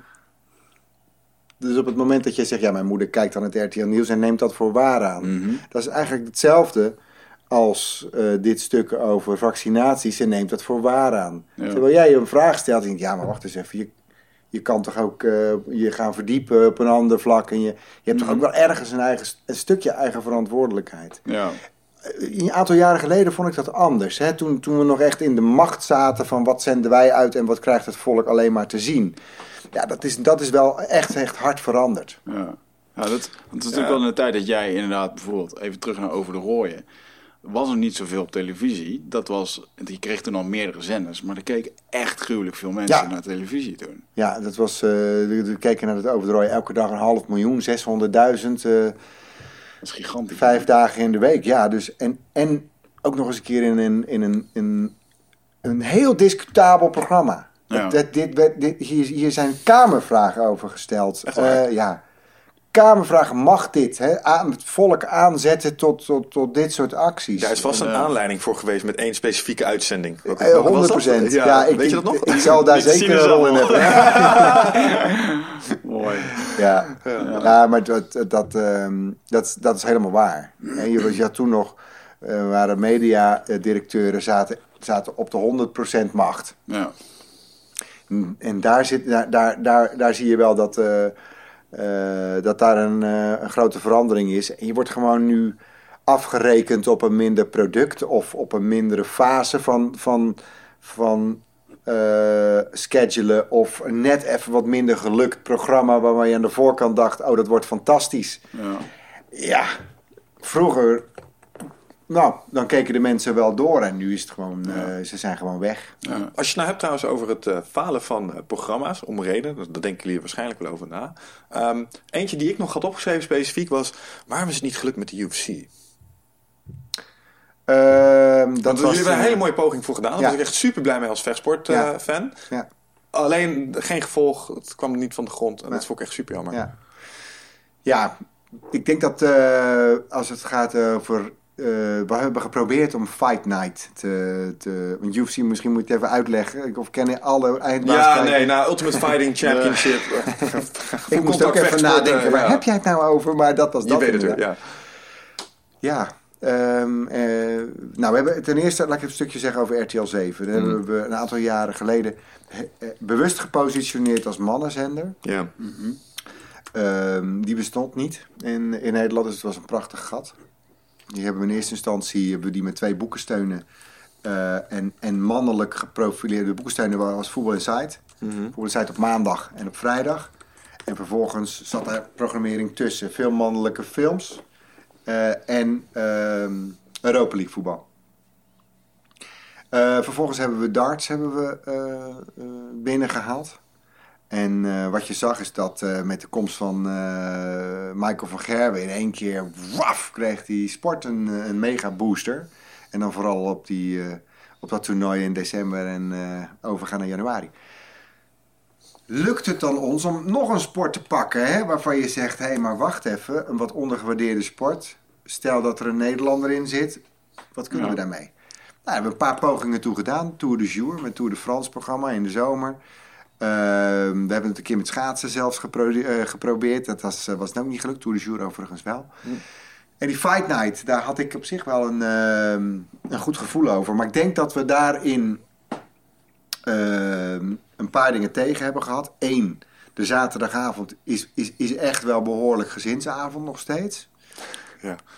Twee, eh, het vechten heeft een, een, een, een toch wel vrij ordinaire, rauwe, zwarte kant. Eh, hè, er zit weinig sympathie op. Op de deelnemers en op publiek. Ik weet niet of ik het daarmee eens ben als fan zijnde van de sport, maar ik kan me voorstellen dat dat stigma Ja, daar maar kleeft. dat, is wat je, dat, is, eh, dat is het beeld wat de kijker heeft. Ja, ja, Ja. nee, dat snap ik. Ik de snap het wel, purist maar- en jou niet, maar... Nee. eh, Maar ja, bij Badr Hari tegen Verhoeven. Ja. Ja, hallo. Ja, maar, maar dat zijn vaak game changers. Ja. Hè, dus wil je het van de grond krijgen, dan zal dat, dan zullen, zul, zul je in één keer zoiets moeten gaan krijgen. Ja. En dan heb je een game changer en dan staat die. Ja. En dan gaan mensen opeens regels snappen. Ja. En als je regels snapt, dan wordt het leuker om te kijken. Want dan krijg je namelijk feedback hè, als kijker. Ja, en, dan, en dan gaat die groeien. Rugby vond ik dat die behoorlijk gelukt is. Ook geïntroduceerd. Ehm, maar eh, de Fight Night, die, eh, nee, die, Ja. die is even nog niet gehaald. Wat is de ehm, toekomst van de second screens in televisie? Want tegenwoordig, eh, second screen bedoel ik mee dat iemand op de bank ligt met zijn iPad.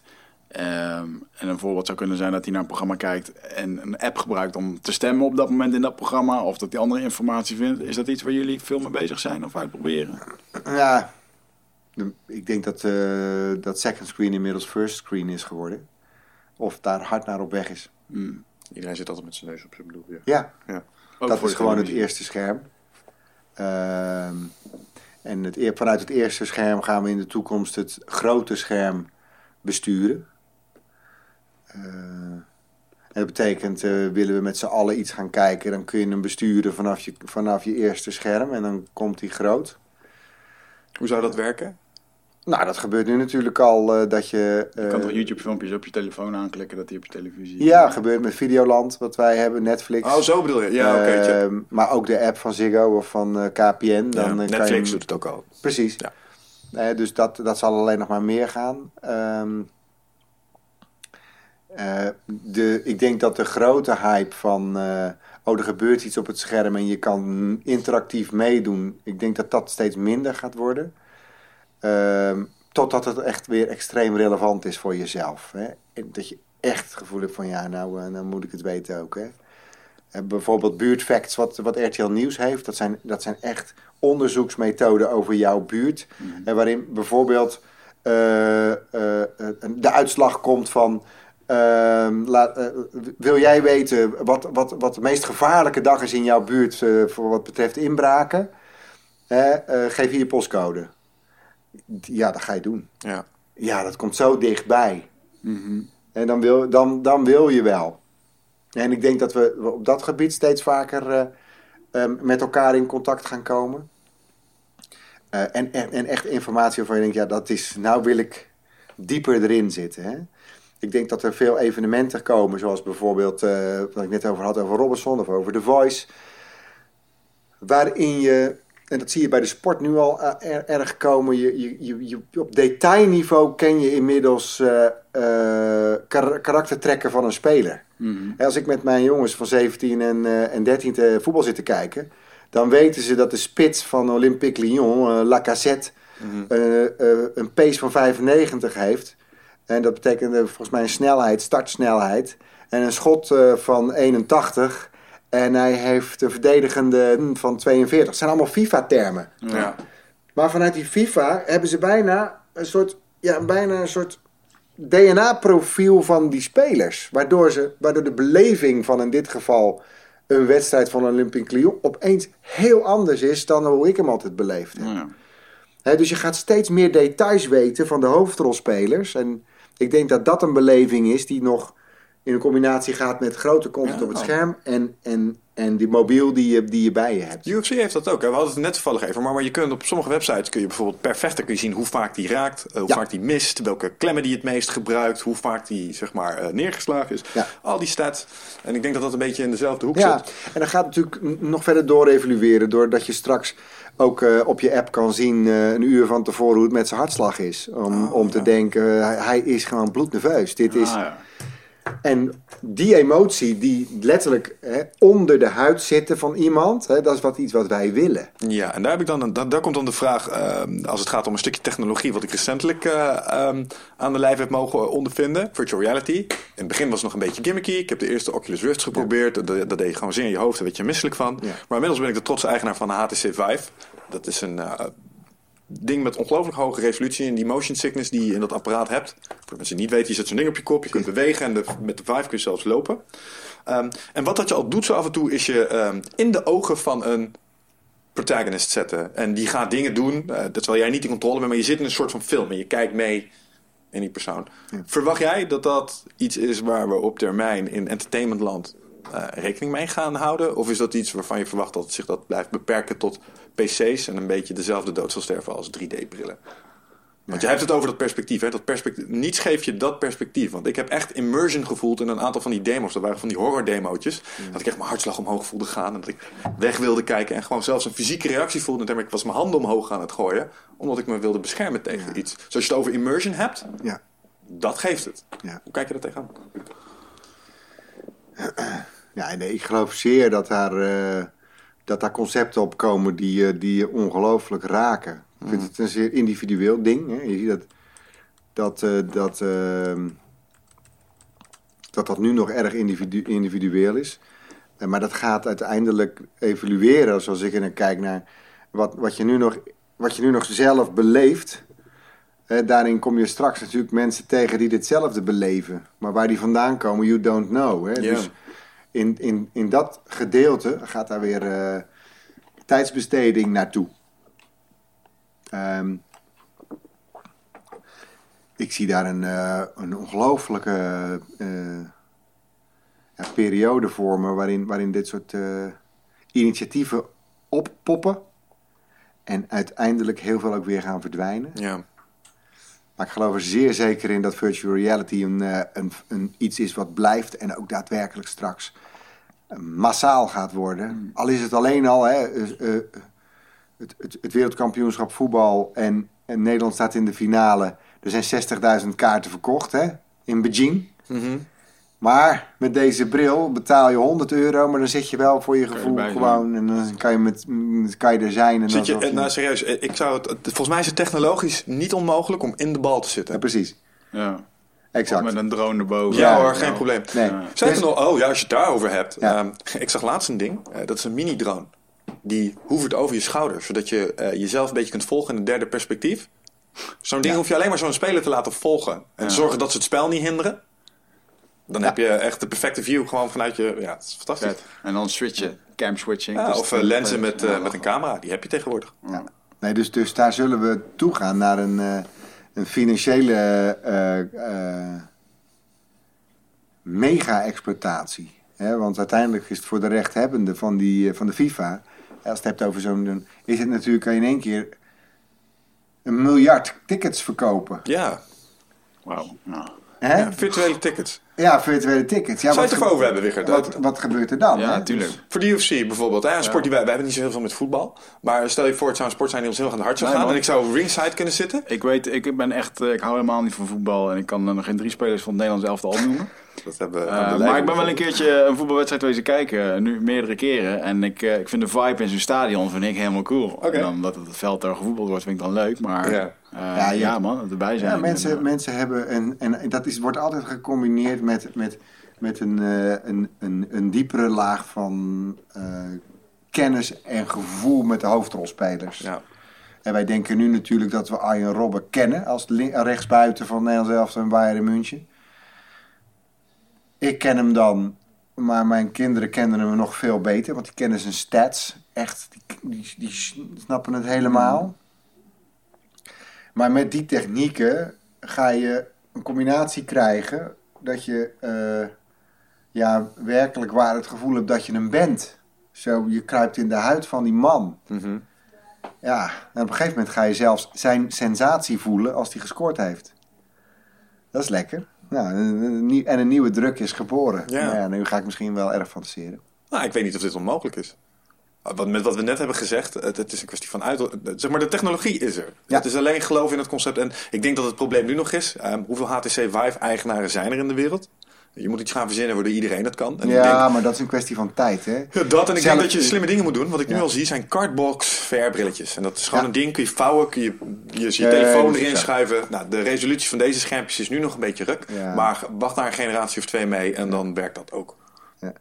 Nee, kijk, het, het, eh, eh, wat natuurlijk jammer is aan die, eh, aan, aan, aan, aan die ontwikkeling. Hè, we, we, we zeggen al nu, goh, we zijn zo in, in onszelf gekeerd en niet meer bezig met datgene wat er nu om ons heen gebeurt. Hè?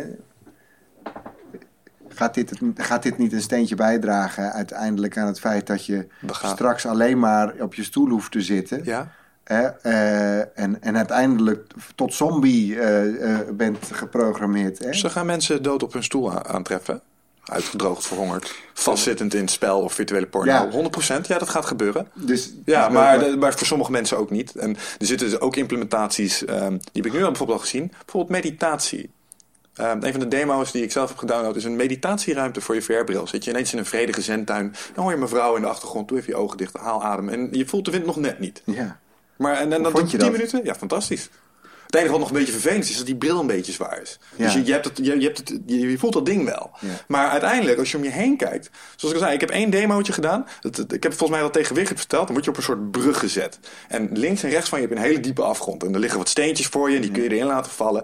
En toen stond er een maatje van me naast me. En die geeft me zo'n duwtje. Oh, Mijn lichaam dacht echt, ik ga nu... En het, het is zo echt. Mm. Alleen nogmaals, als die bril iets lichter zou zijn... kun je er nog meer in duiken. Dus ik denk dat dat echt wel een soort vertaling naar je hersenen maakt. Ik vond het een hele leuke manier om te mediteren in ieder geval. Ja. Dus ja, ja, die technologie gaat echt dingen, ervaringen openbreken... waar we nu nog geen idee van hebben. We daar maar een tijdje Maar over gaan nadenken dan- met z'n allen. want, Want, want de definitie van mediteren is, is wat is het dan in, in, in zo'n... Want nu, nu Wat is het voor het- me doet, zo'n... Nou ja, kijk, meditatie is toch eigenlijk eh, heeft als doel om te zijn in, in het nu en in wie jij bent en hoe jij je voelt. Een juist plek onafhankelijk, en daar bedoel ik mee die, die Japanse tuin. Eh, is, is, dan, is dat niet uiteindelijk het tegenovergestelde nou juist van, het, van wat je met meditatie zou willen bereiken? Weet ik niet. Dat is dat je vanuit. Dan ga je ervan uit dat je zelf goed bent in mediteren. Ik heb mediteren geprobeerd. Ik vind zelf stilzitten ergens moeilijk. Is he- vind ik heel lastig. Dan, dan kom ik er niet in. Wat voor mij wel heel goed werkt, is een guided meditation. En dan doe ik een oordopje in en dan Ja. vertelt de vriendelijke mevrouw adem in, adem uit. En dan kom ik. Dan kan ik wel een uur op die manier zitten. En het enige wat je dan nog hebt, is dat je soms ergens op een plek zit waar je niet helemaal afgezond bent. En wat dit doet, is dit haalt je helemaal uit je context en je zit daar. En dan heb je een soort van guided meditation, maar is ook iets visueel. En dan, dan kun je zo'n zo'n vlammetje voor je ogen en dan kun je dan naar kijken. Het leidt je toch nu- gewoon af. Ja. Ja, maar als het jou aan het mediteren zet, waar je het normaal gesproken niet zou doen. Zo'n guided meditation op mijn telefoon laat mij mediteren waar ik het normaal gesproken niet zou doen. En dit is een andere vorm van mediteren. Of dit uiteindelijk de beste manier is om te mediteren, je ne sais pas. Nee, maar ik vond, het, ik vond het geinig om het eens een keer op deze zeker, manier te doen. Zeker, begrijp ik. Dus de- ik stel de vraag, is het een, is het een, een korte prikkel? Hè? Ja. Dus, dus dat, dat, dat, is, dat is de vraag. Volgens mij gaat je beloningssysteem gewoon weer heel erg af. Wat Wellicht. in ons mens zit van, Ja. hey, dit is mooi, wauw, ja, Ja. hier heb ik echt rust. Maar ja, Terwijl als dat ervoor zorgt is dat je... eh, ja, maar dat is hetzelfde als met, telefoontjes Ja. die, ervoor zo- die, die je fitnessactiviteiten trekken. Ja. Weet je wel? Nou, ga je dan alleen naar de gym als dat ding eh, je afstanden meet? Eh, ja. Nou, en als dat het is wat ervoor zorgt dat jij gaat bewegen, vind ik het dan prima. Dus als zo'n applicatie Ja, dat- ervoor zorgt dat je gaat mediteren, hé, is Het draait uiteindelijk, hè, daar draaien dat soort dingen draaien om feedback. Dus ehm, op het moment dat jij bent gaan trainen, dan je voelt, ja, vroeger zeiden we al, ik voel me zo lekker. Mhm. Hè? En dat gaf de feedback. En daardoor ging je de volgende keer weer, et cetera, en bouwde zich op. En, en dat is feedback. En, en, en de, de devices en, en de apps die daarvoor zijn, die geven jou hardere, concretere feedback. Hè, waardoor je, eh, want een feedback zorgt weer voor een stukje leren, weer een stukje motivatie, et cetera. Ik weet niet of dat bij dat, bij dat guided meditation virtual reality ook zo is. Dat je een dusdanige feedback krijgt dat je groeit en dat je Ja. nog een keer wil. Je hebt van die apps, die trek je door niveaus Ja. heen. En dan, eh, ja, dat, Ja. Nou ja, dat gamification eigenlijk een beetje. Je ziet dat met heel veel van die habit eh, apps. Oh, dat ze het op die manier een beetje aanpakken. Ik bedoel, gamification is een, eh, is een hele legitieme manier om gedragsverandering in ieder geval te bewerkstelligen. Ja. Omdat die beloningssysteem zo gebruikt. Maar dat brengt bij mij een thema. Dat vind ik wel heel erg leuk. Want wat je hier het eigenlijk over hebt is habit trackers. Dat zingen quantified self. Dan maak je een sprongetje richting eigenlijk het biohacken. Ehm, iets, ehm, het is eigenlijk een beetje de aanleiding geweest van hoe we met elkaar in contact zijn gekomen. Je bent eh, klant bij ons bij eh Nutrofit. En eh, wat me met name triggerde is dat ik, eh, is dat ik zag dat jij interesse had in de Bulletproof Lifestyle eh, seminars. En dat jij, nou, zo kwamen we ook een beetje op dat onderwerp, dat jij een heel fanatiek eh, bio- en lifehacker bent. Hey eindbazenluisteraar, dankjewel dat je zit te luisteren naar deze podcast. Ik onderbreek hem eventjes voor een hele belangrijke boodschap. Of misschien liever gezegd een uitnodiging. Want op 24, 25 en 26 mei dan is er weer een nieuwe editie van Ride of Passage. Dat is mijn retreat voor persoonlijke ontwikkeling.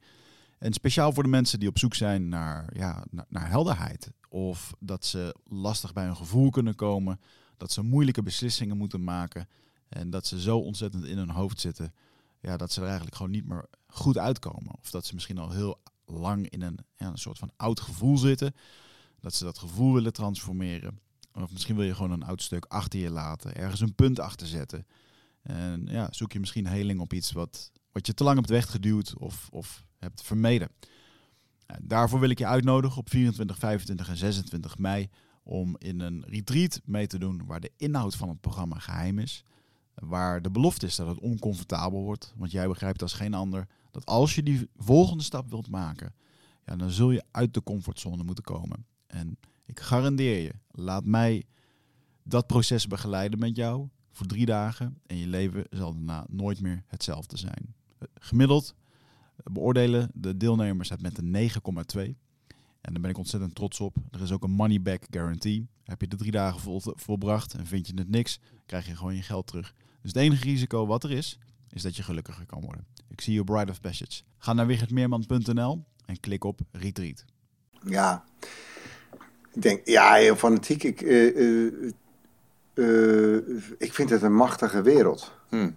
Omdat het mij aanzet tot, tot, tot anders denken en, en creativiteit. Wat is het wat jou betreft? Want het is natuurlijk weer een term. Stel je luistert naar biohacking, lifehacking. Wat is dat allemaal precies? Hoe, hoe nee, maar ik, dat, zien? zijn natuurlijk inderdaad termen die, die, die net als meditatie een bepaald soort uh, zweem uh, over zich heen hebben.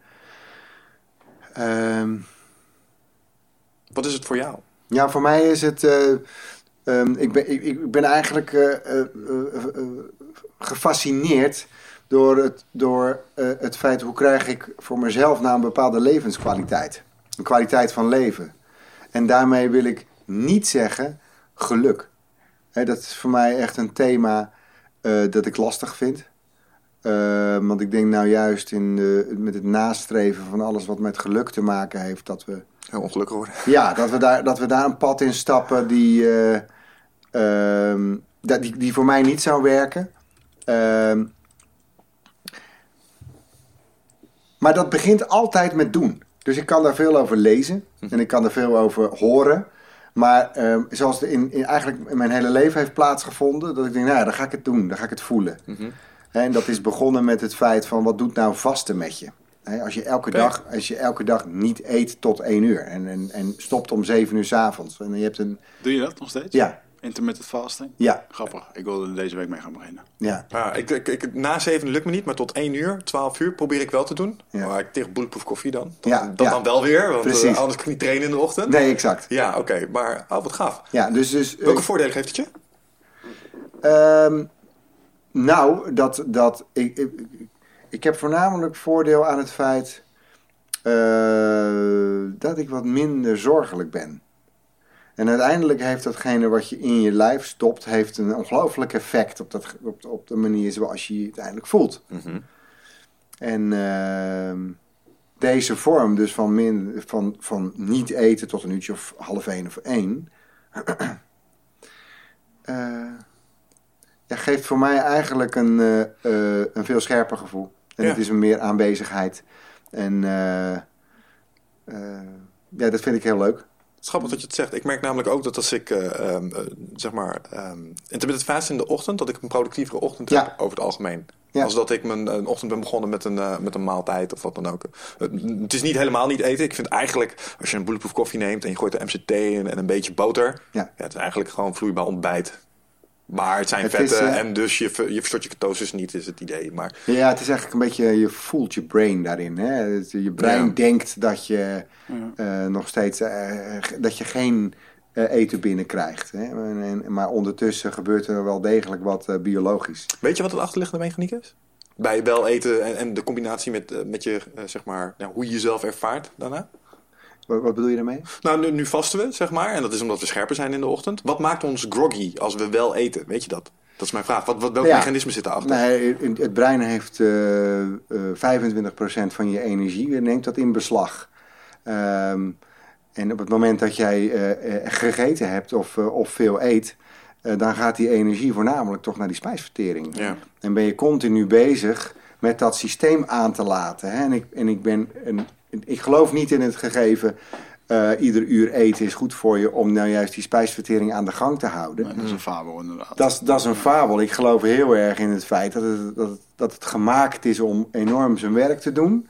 Hè, om dan vervolgens zich weer voor te bereiden eh, op de volgende fase. Maar dat je energie zich dan eigenlijk naar andere plekken kan, eh, op, op andere plekken kan richten. En ik ben er ook heilig van overtuigd dat eh, eh, huidige eh, ziektes zoals depressie bijvoorbeeld. Ja, volgens mij gaat voeding daar een mega rol spelen. Hè? Bepaalde dingen al niet eten. Ja. of juist lange tijden niet eten. Ja, er zijn toch veel bewijzen al dat dat enorm werkt. Ja. Steve Maxwell, zijn strength and conditioning coach, best wel bekend. Die zei eigenlijk precies hetzelfde. Wat hij zei is, als ik ziek ben, dan ga ik vasten. En dat is om de doodvaardigheid dat ik dan al mijn energie naar mijn immuunsysteem kan Ja. laten gaan. In tegenstelling tot mijn spijsvertering. Ja. Als het gaat dan om wat je eet, want wat ik denk dat wat je zegt, dat dat klopt. Hè? Ik bedoel, eh, zoals ik het zelf wel eens zeg, ehm, hoe je je hier voelt, wordt in sterke mate bepaald door wat je hier ingooit. Want dit ding zit vast aan je lichaam. Dus hoe je zorgt voor je lichaam zal bepalen hoe dit zich Ja. voelt. Wat zijn dingen die je absoluut niet meer eet in dat kader, om je zo optimaal mogelijk te voelen? Nou, ten eerste wa- wat, wat ik belangrijk vind om te zeggen is dat het brein, zoals jij het nu, nu beschrijft, hè, ehm, er is een veel groter brein dat zich in je darmenstelsel afspeelt. Eh, en dat brein geeft eigenlijk de signalen door hoe het met je gaat. En resulteert uiteindelijk in hoe jij je in je hoofd denkt te voelen. Ja, Ik zeg bewust denkt te voelen. Ehm, dus wat, maar voor, wat mij betreft is het, is het brein wat. Ik, ik vind het fascinerend het feit dat je, dat je eigenlijk denkt hier iets te voelen, maar dat komt uiteindelijk vanuit dat, vanuit dat hele darmbrein vandaan. Ehm, en als je er zo naar kijkt, dan, dan, dan ga je natuurlijk eh, ook veel bewuster zijn met het feit: oké, wacht even hoor. Als ik er dus dat ingooi, ja, dat is niet zo raar natuurlijk. Dat dat brein dan gaat denken: wat doe je nou? Eh, en, en die geeft eigenlijk een reactie daarop. Ik probeer, ehm, ik, ik, ik leef niet 100% bulletproof. Nee. Eh, eh, ik denk 80%. Kun je iets meer vertellen over wat bulletproof leven is? Ehm, is eh, bulletproof leven is dus eh, intermittent fasting. Dus dat is een, een eat window van een uurtje of... Nou, wat zal het zijn? Van Zo. 1 tot Eén Acht tot of acht zo. of zo. ja. ja. 7 uur wel eten en daarna gewoon stoppen. Ehm, wel je dag beginnen met, eh, met koffie. Er zit een grote klont met, eh, met boter doorheen. Grass fat. Yes. Ehm, en daar zit hoogwaardige kokosolie doorheen. En dat is eigenlijk een soort van... Geen stevia bij jou? Nee, Ah, nee dat is eigenlijk een soort van biohack hè, om, om uiteindelijk het hongergevoel naar beneden te halen. Dat heb je gewoon niet, of amper. Ja. Ehm, en ik probeer zo min mogelijk gluten te eten. En dat is het eigenlijk. Eh, ik heb een, je hebt een bulletproof roadmap met allemaal verschillende typen groenten. Wat eet je nou wel en wat niet? Nou, probeer ik me zo goed mogelijk aan te houden. Ja. Ehm, maar niet tot een fanaticus. Want dat is niet vol te houden. Niet in mijn werk, maar ook ik, ik heb ook nog drie kinderen. Eh, en ik wil, ik wil dat ook niet op die manier. Dus het is er een soort van 80-20. Mhm. Ja. Hoe zit dat met groenten dan? Eh, welke filosofie hanteren ze daar? Als in, wat, zou, wat zou jij binnen bijvoorbeeld de groenterange wel of niet moeten eten in het bulletproof eh, filosofie? Ehm, er, er, er zijn veel discussies als het gaat over boerenkool. Ja, keel. Keel, inderdaad. shakes. Ja, ja, Eet ik echt veel. Ja. Kale shakes, ja. Dus dat heeft dat te eh, maken met die, eh, met die kristallen die de potentieel op zitten? Ja, ik, weet je, ik duik er niet helemaal tot op het detail in. Hè, maar ik ga dan uit van mijn goeroe eh, Dave Asprey, eigenlijk de oprichter van Bulletproof. Eh, en een mafkees die al die, die biohacking experiments heeft gedaan. Ik denk, nou ja, Hij prima. heeft ook toch die dingen op zijn hoofd en zo. Transcranial ja, st- die- direct die simulation. brillen, die brillen ook, dat je geen blauwe licht Ja, ja, die heb ik ook. Ja, maar, die, ja, maar hey, Remco heeft, heeft dat ding ook. Dat, Ja. Want dat werkt echt. Nou, ik heb gisteren nog een appje op mijn computer gedaan, eh, Flux. Ja. Dat, eh dat eruit blauwe- wordt gefilterd. Ja, voor mensen die dat niet weten, ehm, er zitten kegeltjes in je ogen en die registreren de kleur van het licht. En als je donker wordt buiten, dan, eh, en de- de- de- zeg maar, die kegeltjes registreren dat het licht buiten zeg maar, minder blauw wordt, er zit een bepaalde toon in volgens mij, dan gaat je hersenen gaan een slaaphormoon aanmaken. En als je achter een computerscherm zet, wordt dat proces onderbroken. Omdat dat, dat schermpje dat genereert van dat blauwe licht. En je hebt dus programmaatjes inderdaad. Die halen die toon uit je scherm. Eh, Ja, lijkt dus- alsof langzaam gedurende de avond je zeg maar, PC kapot gaat. Ehm, en je hebt inderdaad zo'n brilletje. En die zijn inderdaad ook helemaal oranje. Lijkt, het lijkt wat je op zo'n schietbril Ja, die klopt je op de maan krijgt. Ja, grappig. Ja. Maar die werken wel. Ja, Het staat alleen een beetje raar als je zo in je bed ligt met zo'n brilletje. Maar wat is jouw effect met die bril dan? Want jij hebt het ook over deze bril. Ja, ik heb hem ook gekocht. Ja. Ja, maar jou, ik ben dan zo'n freak, dan wil ik het allemaal hebben. Ja. Ik heb nu ook, eh, ik moet even de naam weten. Maar dat is eh, lichttherapie via je oren. Sorry? Eh, dat is een, eh, eigenlijk een, een, een klein iPodje. En dan eh, gaan er twee oortjes gaan er zo in. En die, die, die, die geven heel fel licht af. Maar dan direct via je oren op je hersenen. Ja, dat is een uitvinding geweest van een Fins bedrijf. We hebben daar veel te maken natuurlijk met donkerte. Eh, en depressie. Hè, dat heeft een, een duidelijke link. Hè, licht en, en depressieve gevoelens.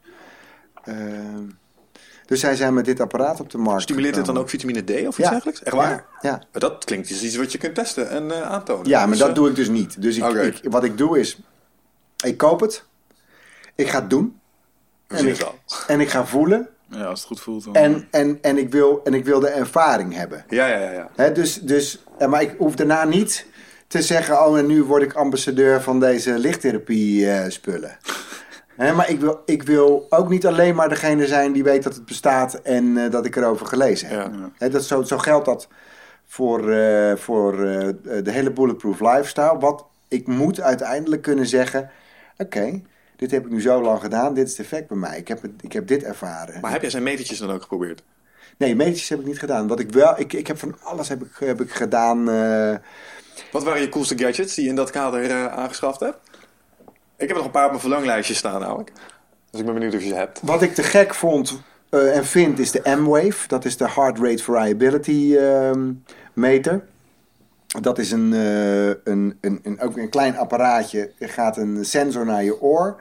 En, en, hij, en, en, en hij meet eigenlijk je heart rate variability. Dat is, dat, dat, dat is je, men dacht altijd dat een gelijkmatige hartslag dat dat gezond is. Maar er moeten, eigenlijk moeten er Variaties in zitten. Dan heb je een gezond hart en dat heeft weer te maken met stress. En de- dit, dit, dit apparaatje, eh, die, eh, die sluit je aan en dan gaat gewoon een, een sensortje gaat er omhoog en naar beneden. En als die in het groen blijft, dan zit het goed met je, met je hart.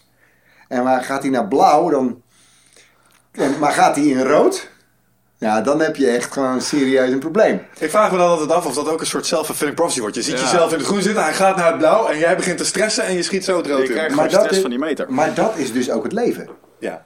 Hoe bedoel je dat? Nou, ehm, wij, zitten, wij- wij zitten nu straks hier. Ik weet dat ik straks een belangrijke meeting heb. Gaat mijn hart nu al naar blauw of naar rood? Ja. Hè, de- en dat is nou uiteindelijk wel te trainen. En wat doe je als je ziet dat je... eh, Want, Nou, je kan dus, je kan dus middels ademhaling en middels mindset... kun je hem eh, een kwartier in het groen houden.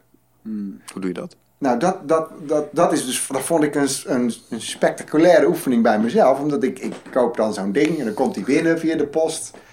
Dan ga ik niet dat ding lezen helemaal. Hoe werkt dat? Want dat, eh, dat, dat lukt me dan niet. Dat is En dan, ben ik, dan ben ik bang dat ik het niet begrijp. We gaan beginnen. Ding eraan. Nee, dat ding is alleen maar op rood. Dat zal wel niet werken. Stuk. Even toch maar eens kijken. Nee, hij moet naar blauw. Nou, hij blijft op rood. Ah, irritant man. YouTube zoeken. Hè? Heart rate variability, M-wave. Zie je ook een gast. En uiteindelijk zie, zag ik iemand zitten en die...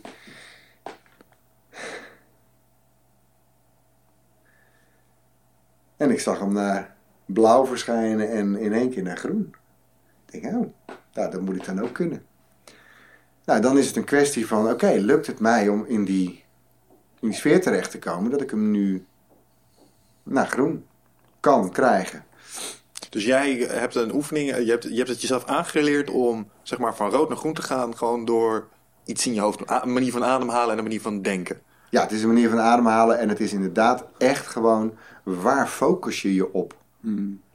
Eh, en, en, en ga het proberen, ga het gewoon doen en denk maar aan gezeik.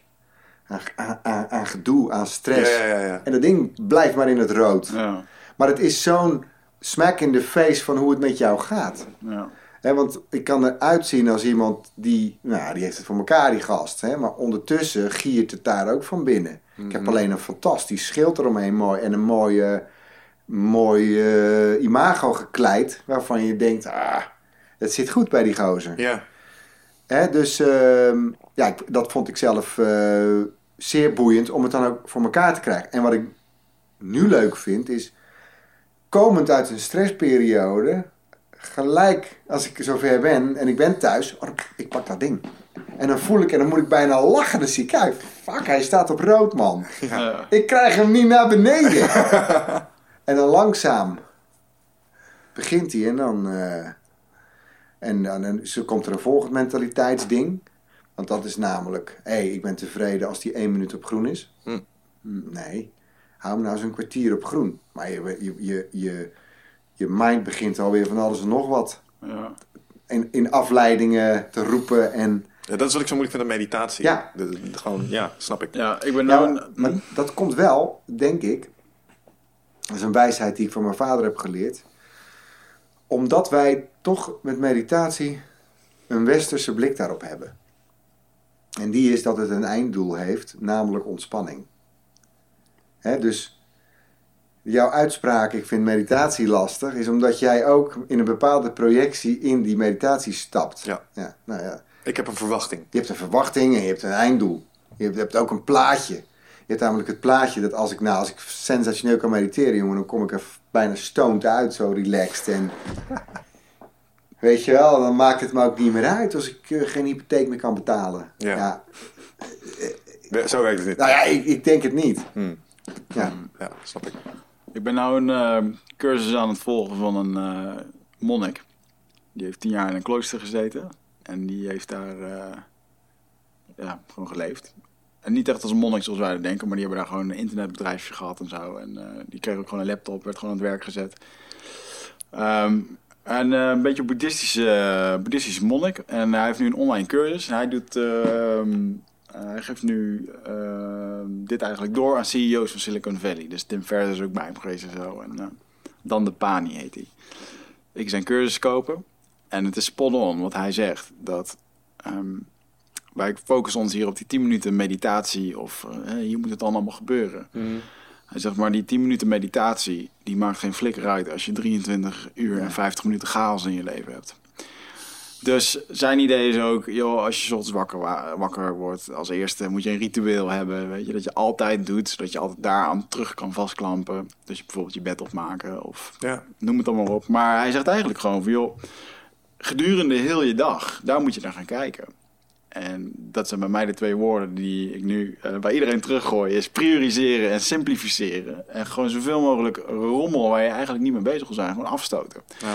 Want we worden continu helemaal gek gemaakt met allerlei appjes en, en pushberichten en dingetjes. Waardoor je ehm, je niet kan concentreren.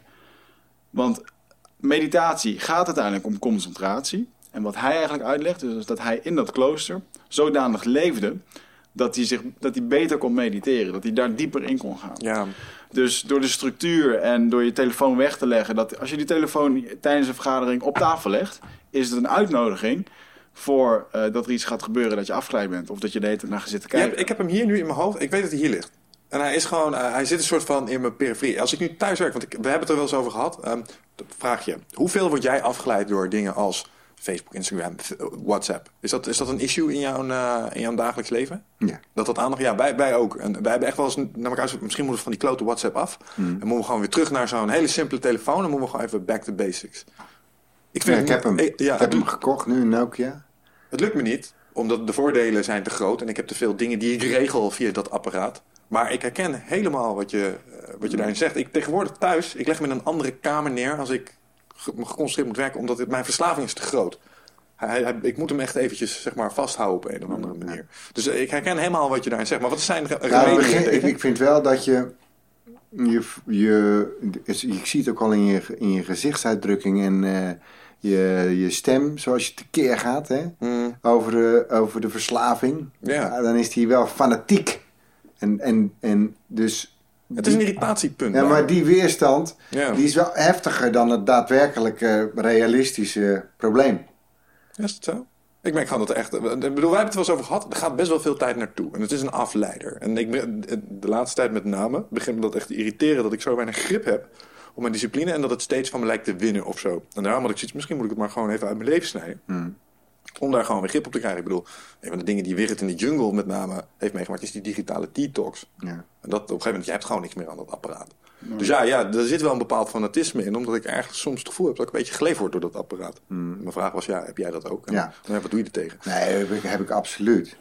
Ehm, en ik ben ook door die fase heen gegaan en nu moet het weg, et cetera, et cetera. Dat is een fase, begrijp ik. Ja, ik vind van wel. Oké. Ja. Nou, Uiteindelijk is, het uiteindelijk is het zelfdiscipline. Nou, kijk, weet je, laten we, laten we beginnen met het, met, het, met het voordeel van die hele social media kant. Hè? Dus Facebook, Instagram. Ehm, het, de netwerk, netwerktool hè, die, het, die het met zich meebrengt, is sensationeel en spectaculair. Hè, dus het is, het is in de evolutie van, eh, van bepaalde delen van, van ons menselijk brein is het een onbeschrijfelijke versneller. Want wij zitten met elkaar hierdoor in contact. Jullie zitten met elkaar hierdoor in contact. Ehm, that's what it is.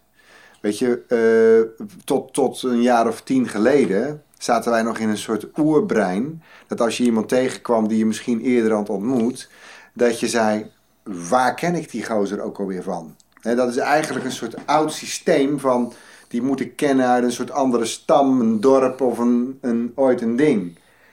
Hè, dat, is, dat is nu in de nieuwe generatie alweer weg.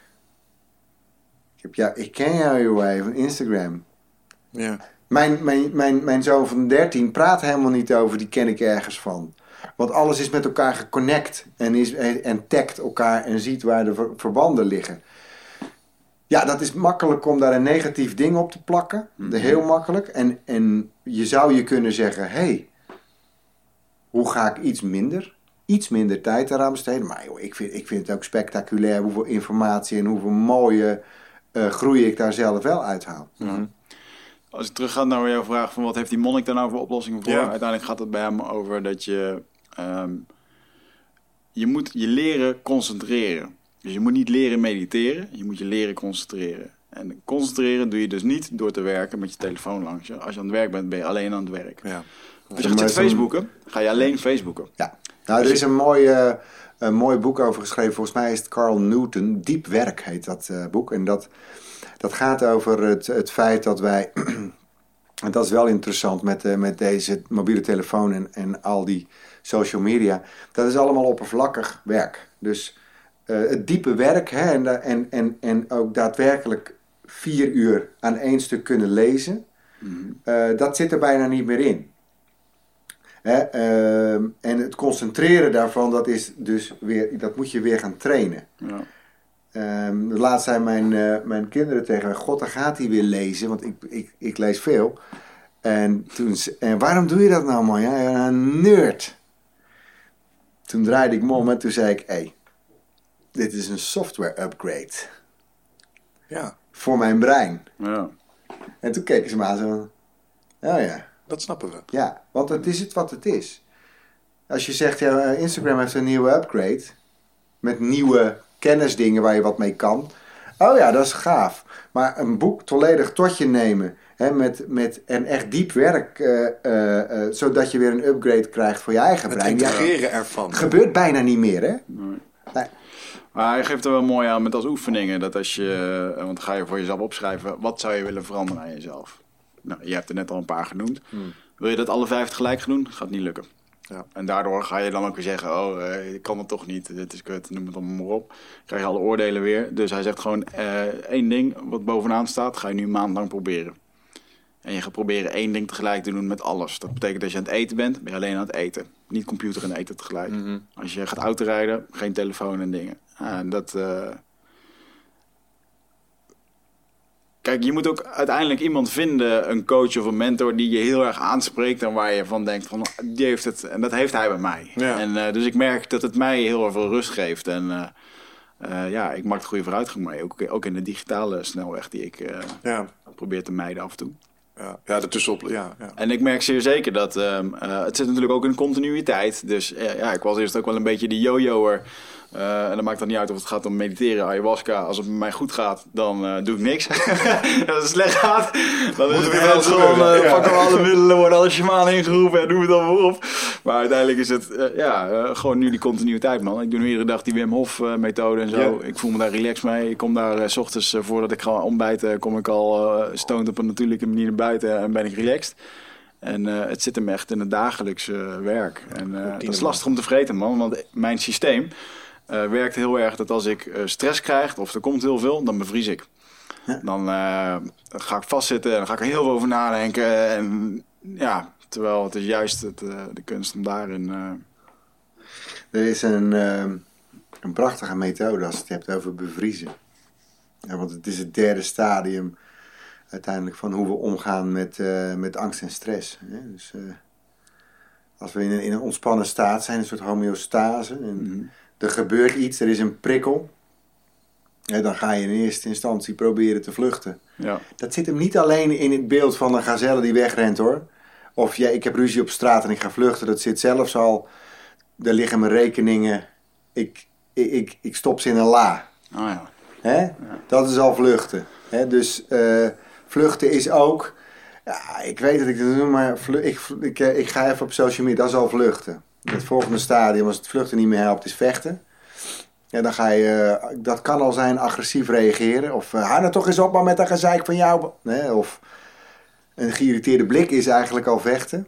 En als dat niet meer werkt, ga je naar een volgend systeem toe. En dat is vriezen, bevriezen. Ja. Eigenlijk is wordt het genoemd voorstadium van de dood. ja. Zo voelt Vanaf het dat wel. moment hè, is er nog maar één stukje en dat is eh, het, het lichaam en geest die zich aan het voorbereiden voor, eh, voor de dood. En, en, en daar zitten maar al die, die, die afleidingen. Eh, want ben je bevroren, dan wil je niet terug naar een gevoel. Hè, maar daarom, zit je, daarom zitten we in roken en dit en zus en, en series, et cetera. Maar waar het systeem, dus het menselijk systeem, een automatische vorm heeft gevonden om dat op te bouwen, heeft het ook een automatisch systeem om dat af te bouwen. Om weer terug te komen in die natuurlijke ontspanning. Alleen die zijn we echt vergeten. Ja. Het is een, een, een, prachtige eh, systeem van een traumatoloog. Die eh, uiteindelijk in, eh, in Libanon was en daar in die schuilkelder zat. En merkte dat als hij daar zelf ook zat, dat de kinderen op zijn schoot begonnen te trillen. En hij vroeg aan die ouders later van, goh, halen jullie dat ook? Want ik had dat zelf ook na die bominslag. En ze hadden afgesproken, ja dat klopt, maar we hebben afgesproken om het niet te laten merken dat we ook bang zijn.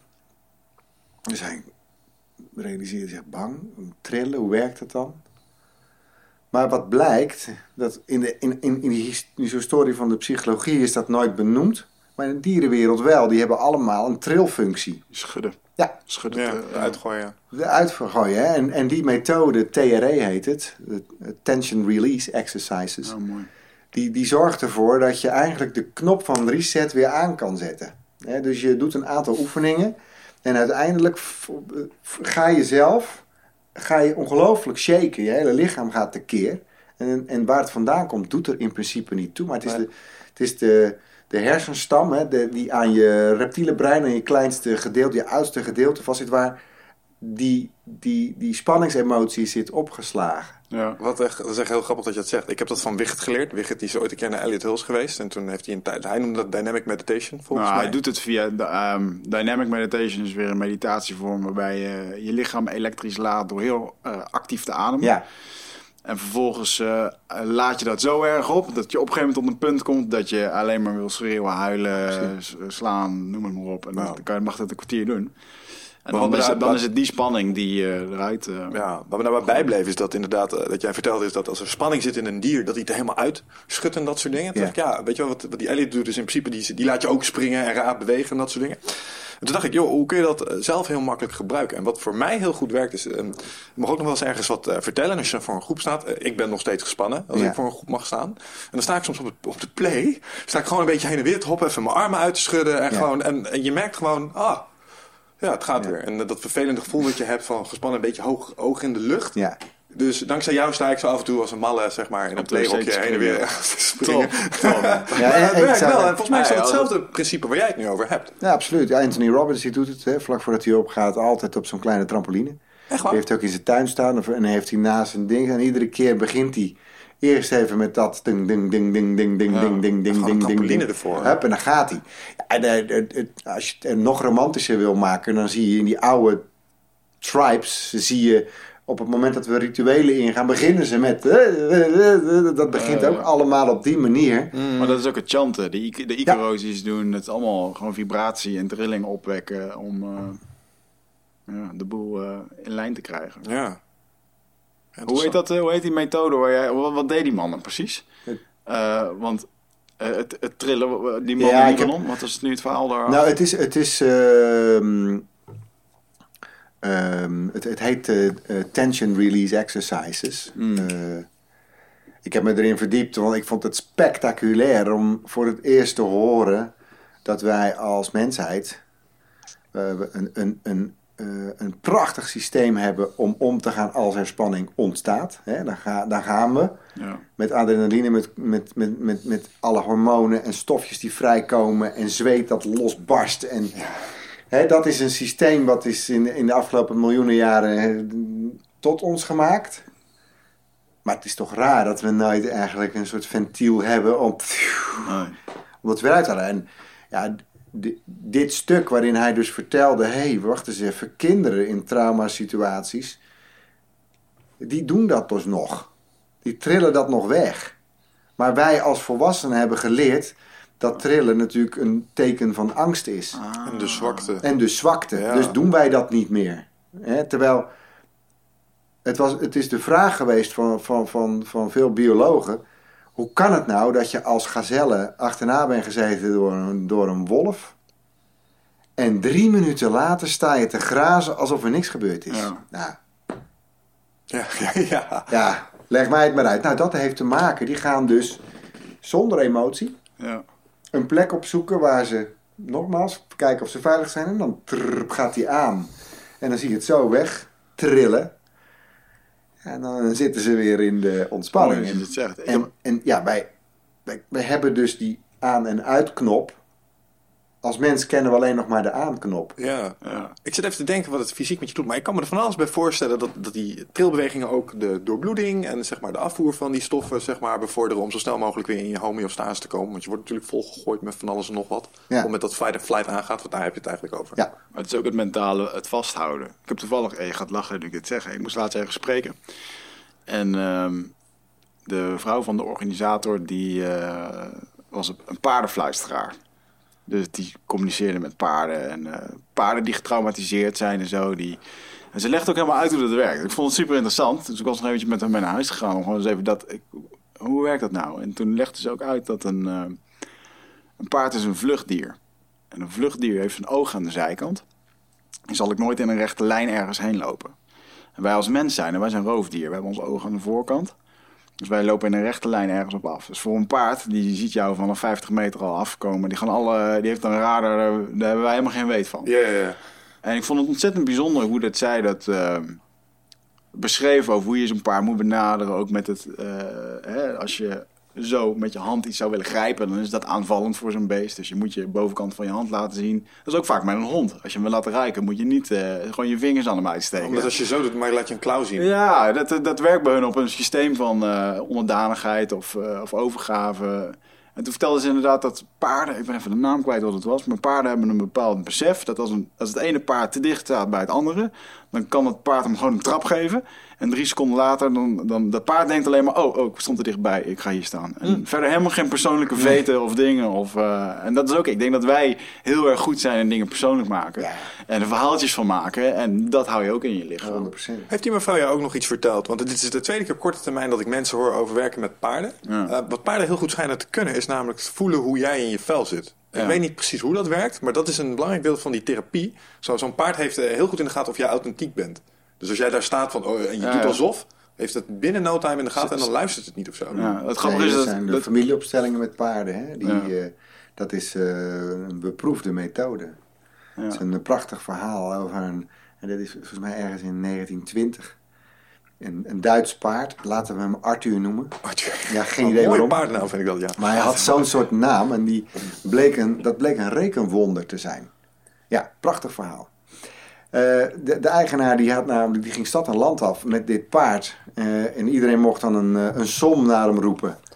En dan ging het paard met zijn voorpoot boef, boef, het aantal klopjes geven. En dat was het antwoord van die som. Nou, dat was werkelijk een wonder. Hè? Dit was een, een hoogbegaafd paard. Ja. Bleek ook zo te zijn.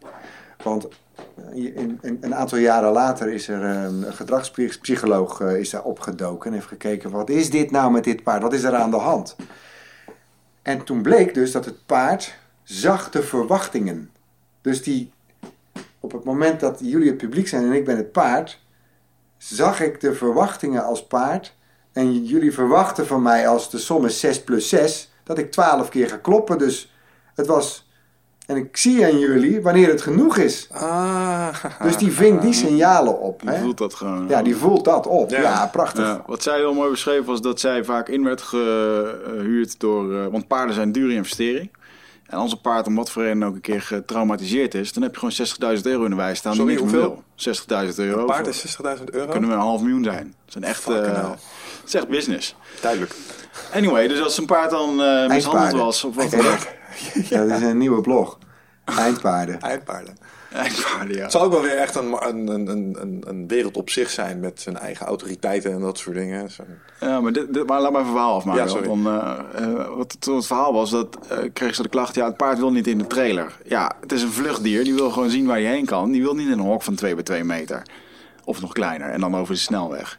Dus, eh, en dat was wel interessant... dat als het baasje bij het paard kwam... ging het paard eh 30 meter naar achteren. Wilde niet in de buurt komen. Maar als zij erbij kwam... met de intentie, ik ga jou helpen. Ik doe in plaats van met de intentie, ik ga jou in dat hok stoppen... Dan kon ze gewoon heel dicht bij het paard komen. En dan na een ochtendwerk, eh, dan eh, stond hij met twee poten in die wagen. Ja, ik vond het wel bijzonder. Ja. Maar voel jij dat ook? Wat? Als iemand zo'n intentie heeft? Hoe bedoel je dat?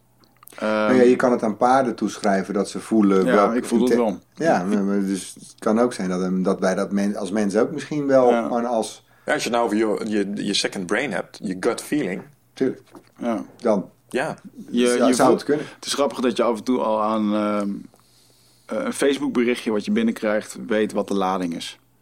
Ja, maar dat zie ik dan nog wel als je eigen projectie erop. Dat is nog wel heel erg. Jij projecteert je volledige bagage op dat bericht. De gut feeling is bij de binnenkomst van iemand nog steeds een, voor een deel projectie. Maar voor een deel zit er, kan er ook wel ergens een, een grotere kracht op zitten. Van het klopt of het klopt niet. Ja. Wat mij de laatste tijd opvalt is dat projectie. Ik hoor het heel veel. Het echt zo'n mooie coachterm, weet je wel. Het is hoe je naar de wereld kijkt, eh, gevoed door hoe je dat... Ik vraag me altijd af of het heel erg is. Zo van, eh, zo van ja, maar als er zo'n bericht binnenkomt, dan zou het ook projectie van jou kunnen zijn dat er helemaal geen intentie achter zit. Ik denk juist dat die gut feelings die, die je dan hebt, ehm, die hebben ook vanuit dezelfde kader dat je zo'n fight-or-flight systeem hebt. Ehm, ik heb daar een keer een boekje over gelezen, Blink. Eh, dat, dat gaat over die gut feelings. Zeg maar, die ene fractie van een seconde, eh, die, die schijnt heel belangrijk te zijn voor je besluitvorming. En daar heeft je, schijnt je onderbewustzijn al een heleboel van het rekenwerk te hebben gedaan. Dat kun je in een, in een, in een tiende van een seconde zien. Er was een psycholoog, stond in het boekje, die kon eh, na vijf seconden de interactie tussen paardjes, kon hij al zien, deze mensen gaan het wel of niet redden met elkaar. Gewoon op basis van hun... Maar maakt het uit of het een mens is of een bericht via Facebook? Ja, ik denk het niet. Want als ik jou voor het eerst zie, dan zou ik ook mijn projectie op jou hebben. Ja. De vraag is, is het erg? Het heeft, Dus een, of het heeft het een doel, hè? Het, heeft een, het heeft een nut gehad. Alleen als het voor je voeten gaat lopen en we zetten Matthias nou ten onrechte in een hoekje waar hij eigenlijk niet hoort, en daarom gaan we dit gesprek niet, misschien niet met hem aan, dan heb je projectie, eh, zeg maar, misleid. Ja. De vraag is of er ergens een emotie bestaat die niet met projectie te maken heeft. Ik denk dat iedereen de hoofdrolspeler zijn eigen film is, dus je betrekt Ja. sowieso alles op jezelf. Dus Dat, dat is trouwens een, een interessant bruggetje naar iets wat eh, jij daar straks stelde. Want ik heb hem even eh, opgeschreven. We hadden het er straks namelijk even over boeken. En jij zei, jij zei iets heel moois.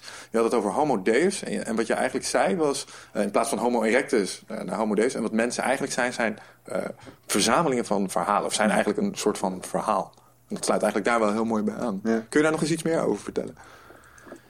Nou, dit, dit, dit is, dat is de oorsprong eh, van waar, waar, hebben, waar hebben wij als mensen, wat- waar zijn wij naar een afslag rechts gegaan, waar de dieren dat niet hebben gedaan. Mhm. Althans, het is wat wij denken en pretenderen, hè, want wij vinden onszelf daar hoog en bovenop die, op die keten. Ehm, Je, Maar zegt het alsof je het onterecht vindt trouwens. nee, ja, goh, ik zit ook wel in dat gevoel eigenlijk. Het is Alleen, toch ook wel zo als je kijkt naar hoe we de wereld onder de duim hebben. Ja, wat, bedreigt ons in moeder natuur? Ja, Ja, als, wij- we, als we helemaal naakt het, het een grizzlybeer. Maar in principe, als we instrumenten dat- meenemen, komt het goed. Ja, nee, ik denk dat, dat wij uiteindelijk eerder toch eh, het loodje zullen leggen dan menig dier. Maar ehm, dat is weer een ander verhaal. Nee, nee, daar zie je dat vanaf het moment dat taal ontstond, hè, eigenlijk is alles wat wij beleven en wat wij zijn, zou je kunnen zeggen, wij zijn niets anders dan taal. En taal is dus lichaamstaal, is muziek, is eh, eh, eh, gesproken woord, geschreven woord, is video. Is, het is allemaal alles wat je aan een vorm van communicatie hebt, een vorm van taal hebt, Ja, ik Is- zit net te denken, een- taal zie jij als informatieoverdracht. is een kleuring Ja. van wat jij bent. Ja, zo'n symbolen, cijfers.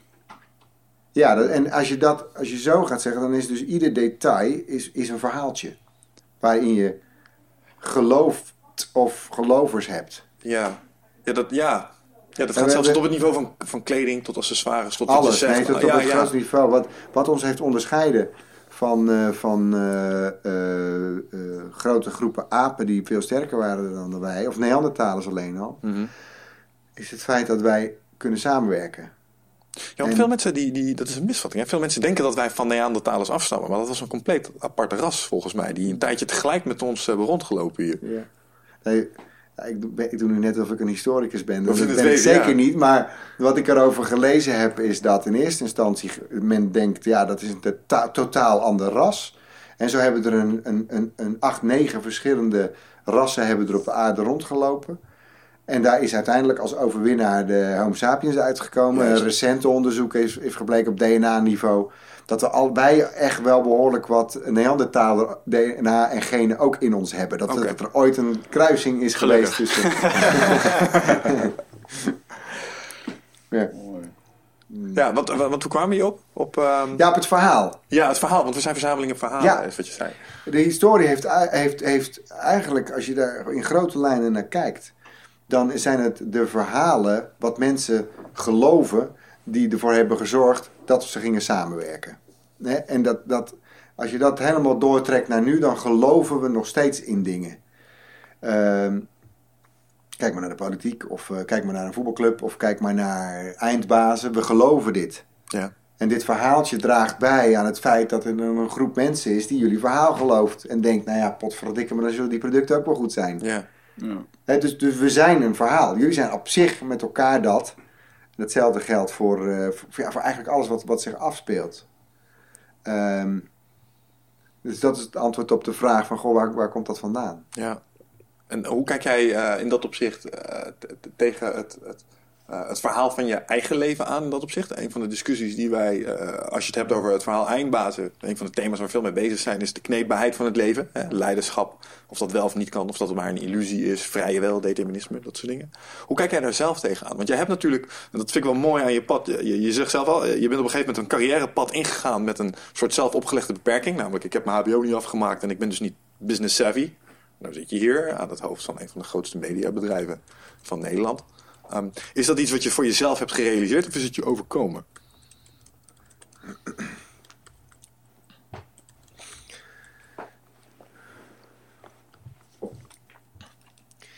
Ik denk dat het eh, vormpje waar, je, waar, we- waar, waar, we met z'n allen.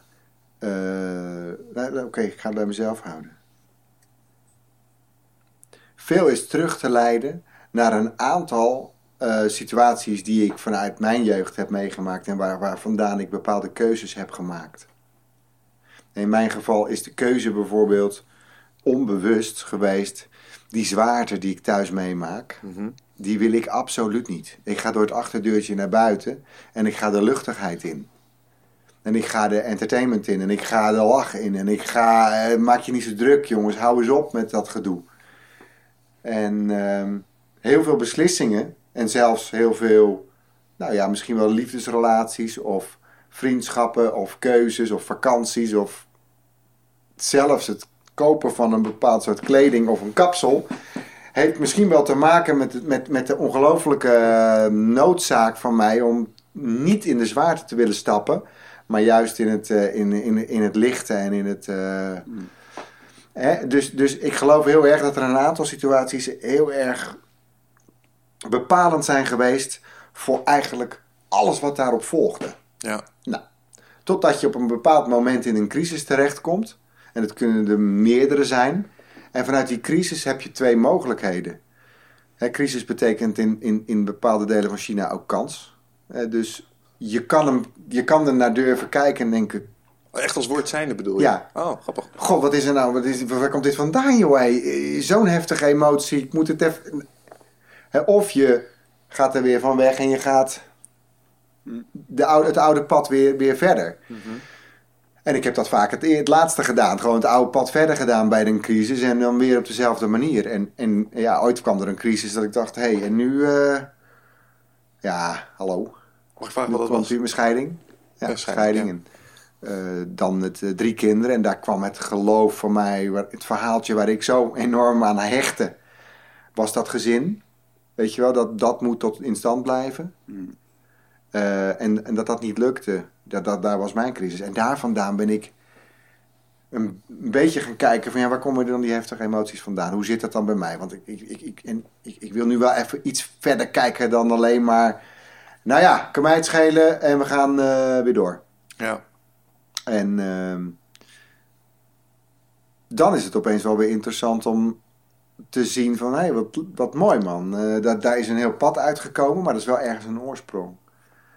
Ehm, ja, dat voelt wel, en dat voelt goed. Ja. ja, dat kan ik me voorstellen. Sowieso, het is eh, dus uiteindelijk wel op zijn pootjes terechtgekomen. Want ik, eh, nou, dat, wat, duidelijk is, en dat, dat heb je bij meer mensen die we in de studio hebben gehad, dan hoor je dat ook wel terug. Dat er ergens in het leven een aantal. Nou ja, trauma's vind ik altijd zo'n zwaar woord, maar dat er iets Ja. is wat je ergens een tik geeft. En dat valt me op dat mensen die uitzonderlijke dingen doen, het in het begin, in het misschien iets ook bovengemiddeld lastig hebben gehad of zo. Of dat ze iets voor de voeten hebben gehad wat in ieder geval niet helemaal gemiddeld was, waardoor ze echt heel anders naar die wereld zijn gaan kijken. En ik weet niet of het terecht Ja. is, maar ik lijkt dat, dat lijkt erop dat ik dat hier ook een beetje hoor. Ik vind dat ik uit een gezin kom waarin ik zachte trauma's heb ervaren. Dat zijn zachte En je hebt trauma's. harde trauma's waarvan je kan zeggen... ja, nee, vind je het gek zeg dat hij dat heeft, eh, gevoel heeft. Ja. Godsamme zeg. eh, eh, oh, moeder overleed op jonge leeftijd. Vader was een alcoholist, bla bla bla. Weet je wel? Of heeft een oorlog meegemaakt, is verkracht. Nou, al dat soort dingen waarvan ik ook vind... ja, hé, hey, hallo.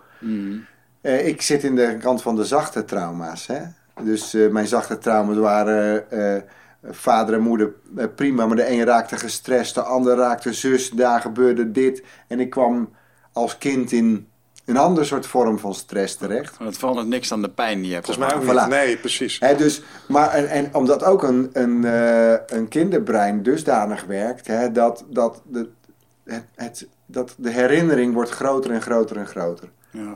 En je gaat er steeds maar weer naar zoeken. En je gaat steeds maar weer naar die herhaling zoeken. Een En, bevestiging daar- vinden. en een ja. bevestiging vinden. En daarmee maak je, maak je dat trauma groter en groter en groter en groter. Ehm, dus ik, ik kom uit zo'n gezin van met ik, wat ik zelf nu benoem zacht trauma. Mhm. Eh, maar daar hebben we allemaal mee te maken. En dat is ook niet, niet schadelijk. Hè? Eh, we hadden het net al over eh, het feit dat we alleen maar geluk aan het najagen zijn. Ja, ik, ik, voor mij is dat geen schade. Is, een, is voor mij een mindere kwaliteit van leven dan dat je wel schade hebt. Ja, falen hoort er ook bij. Weet je, het, eh, ik bedoel, ehm, ja, een van de clichés die je tegenwoordig hebt, maar al- alle kids verliezen tegenwoordig ook niet meer. Iedereen is altijd een Ja. winnaar met alles wat je doet, weet je wel. Iedereen krijgt altijd een erelintje en dat soort dingen. Bij ons was het gewoon heel simpel, weet je wel. Soms verloor je en dan was je gewoon de verliezer. Of soms werd je als laatste gekozen of wat dan ook. Er was altijd een soort picking order in. En dat stimuleerde je om wel of niet eh, dingen te doen. En tegenwoordig zijn we er ook wel heel erg soft in. Softification. Ja, een beetje wel bijna. Wie is er nou ook alweer daar een lezing over gegeven? Dirk de Wachter. Ja, Dat is die Vlaamse eh, psychiater die, eh, die eigenlijk eh, verveling en, en ook wel ongemak voorschrijft als ja, het- de noodzaak voor, Voor kinderen, maar ook voor, voor, voor volwassenen. Ja. Dat is, Simon Sinek, die heeft er ook eentje. Is die gast van eh The Why, weet je wel. Dat Mhm. als bedrijf en zo. En die vertelde laatst ook inderdaad dat als je als kind zijn een lolly krijgt, eh, omdat je als laatste binnenkomt, Ja. dan eh, eigenlijk geef je hem gewoon, eh, ja, je bent inderdaad de allerslechtste eh, stempeltje. Terwijl de eerste, ja, de eerste die gewoon echt de prijs hebben gewonnen, die, die, die degradeer je eigenlijk. Ja. Om, eh, ja, je kan Ja, toch gewoon een prijs ja. winnen. ja, Ja, eens. mooi. Nog, nog een laatste vraag. Wat, wat doe jij om het jezelf ongemakkelijk te maken in dat opzicht? Ehm, nou, op, op een aantal fronten doe ik dat. Eh, bijvoorbeeld op honger. Oké, ja. Eh, bijvoorbeeld op kou. Eh, dus eh, Wim Hof methode en daadwerkelijk eh, in een koude bad en sowieso koud douchen. En wat ik daar interessant aan vind is dat je, want een, een koud douchen is, in, is voor mij niet meer zo moeilijk. Dat kan je trainen en, en ja, dan pak je, kan maar zo dan pak je hem wel. Ja, maar Ja. wat wel heel leuk is, is namelijk het, het, het- er zit, een, er zit een, ehm, een, een magisch moment in. Pak de kraanbeet, kijk naar je hand en gewoon beseffen, ja, dit gaat zo koud worden, jongen. Dat is lijden. Dit, Hè? Ja, mooi. dit wordt hem. En, en dan letterlijk voel ik ook, kijk, ik kan, ook, ik kan nu ook gewoon warm blijven. Die kant. Want er is ja. niemand aan wie ik verantwoordelijkheid hoef af te leggen of wat dan ook. Zam, en dan gaat hij naar koud. Ga je wel naar de sauna? Ja. Ik heb dat moment altijd met die emmer. Ja, maar Dan, sta je, mij- dan sta je bij die emmer en dan denk je... Fuck, gaan we het doen? maar Ja, dan dan ben je- naar de warme douche gaan. Ja, dan ben je warm en dan is het nog makkelijker ook best. Ja. Maar toch, je zit er tegenop te hikken. Het is wel- Anders Ja. is lekker warm douchen en dan de koude kraan aanzetten. Ja. Eens, maar toch. ja, een krachttraining eh, doe ik veel. goed. Ja, mooi. En eh, ja, daar eh, eh, heb ik bewust eh, gezocht naar eh, afscheid nemen van de klager. Hè, de klager in mij eh, die is vrij groot aanwezig op, eh, op, op krachttraininggebied. En vooral als je, als je squats gaat doen. En, eh, hè, de- dus, ja, het is nee, gedeelde maar- pijn, dus dus- ik herken helemaal wat je ja, zegt. dus, ja, dus, zeker. dus iedereen heeft het op zijn eigen stuk en een eigen zwakte.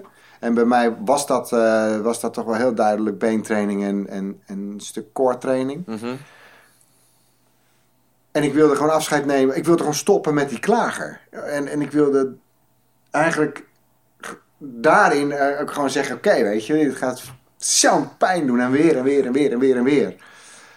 En eh, nu jaren later denk ik: Ja, nou, hij zal toch wel een keer stoppen. Maar nee, hij, hij stopt niet. Dus, eh, Nooit.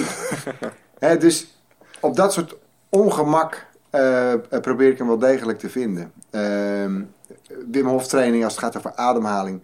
Daar zit je ook toch ergens in een stuk ongemak op het moment dat je zo lang mogelijk zonder adem moet gaan zitten. Mhm. Dat voelt ook hè, heel erg als eh, ik moet nu. Ehm, ik heb een tijdje een, eh, bepaald soort meditatie gedaan, dat heet Holosync. En eh, dat zijn, eh, is, een, is een systeem waarin je op je linkeroor met een koptelefoon een, een net even een frequentieverschil hoort met je rechteroor. Binaural Oh. beats. Ja, bij, ja, en, Ja, en, je, en, je, en je brein krijgt een neiging namelijk om, om dat te stabiliseren. Oh. En dat heeft weer een, een bepaald meditatief effect. Maar het is heel, dat kan ook heel ongemakkelijk voelen. Mhm. Op zo'n manier probeer ik het een beetje. Ja. En eh, als ik dat dan ook nog eens een keer in, in, in het dagelijks leven en in de taken die ik eh, met, eh, met, met, met als vader of als, als werknemer of als verantwoordelijke op zo'n manier kan doorvertalen, dus soms in het ongemak stappen, dan, dan heb ik daar de winst. Gaaf man. Ja, mooie conclusie van Wat ik echt heel mooi aan- hieraan vind is dat eh, de- de- deze wijze en kennis had ik eh, misschien niet initieel verwacht toen ik eh, origineel ooit eens een keer naar Over de Rooien had gekeken, zeg maar. Je bent in opzicht wel, ja, ik vind je inspirerend in dat opzicht en echt super cool dat je als topondernemer met dit soort thema's bezig bent.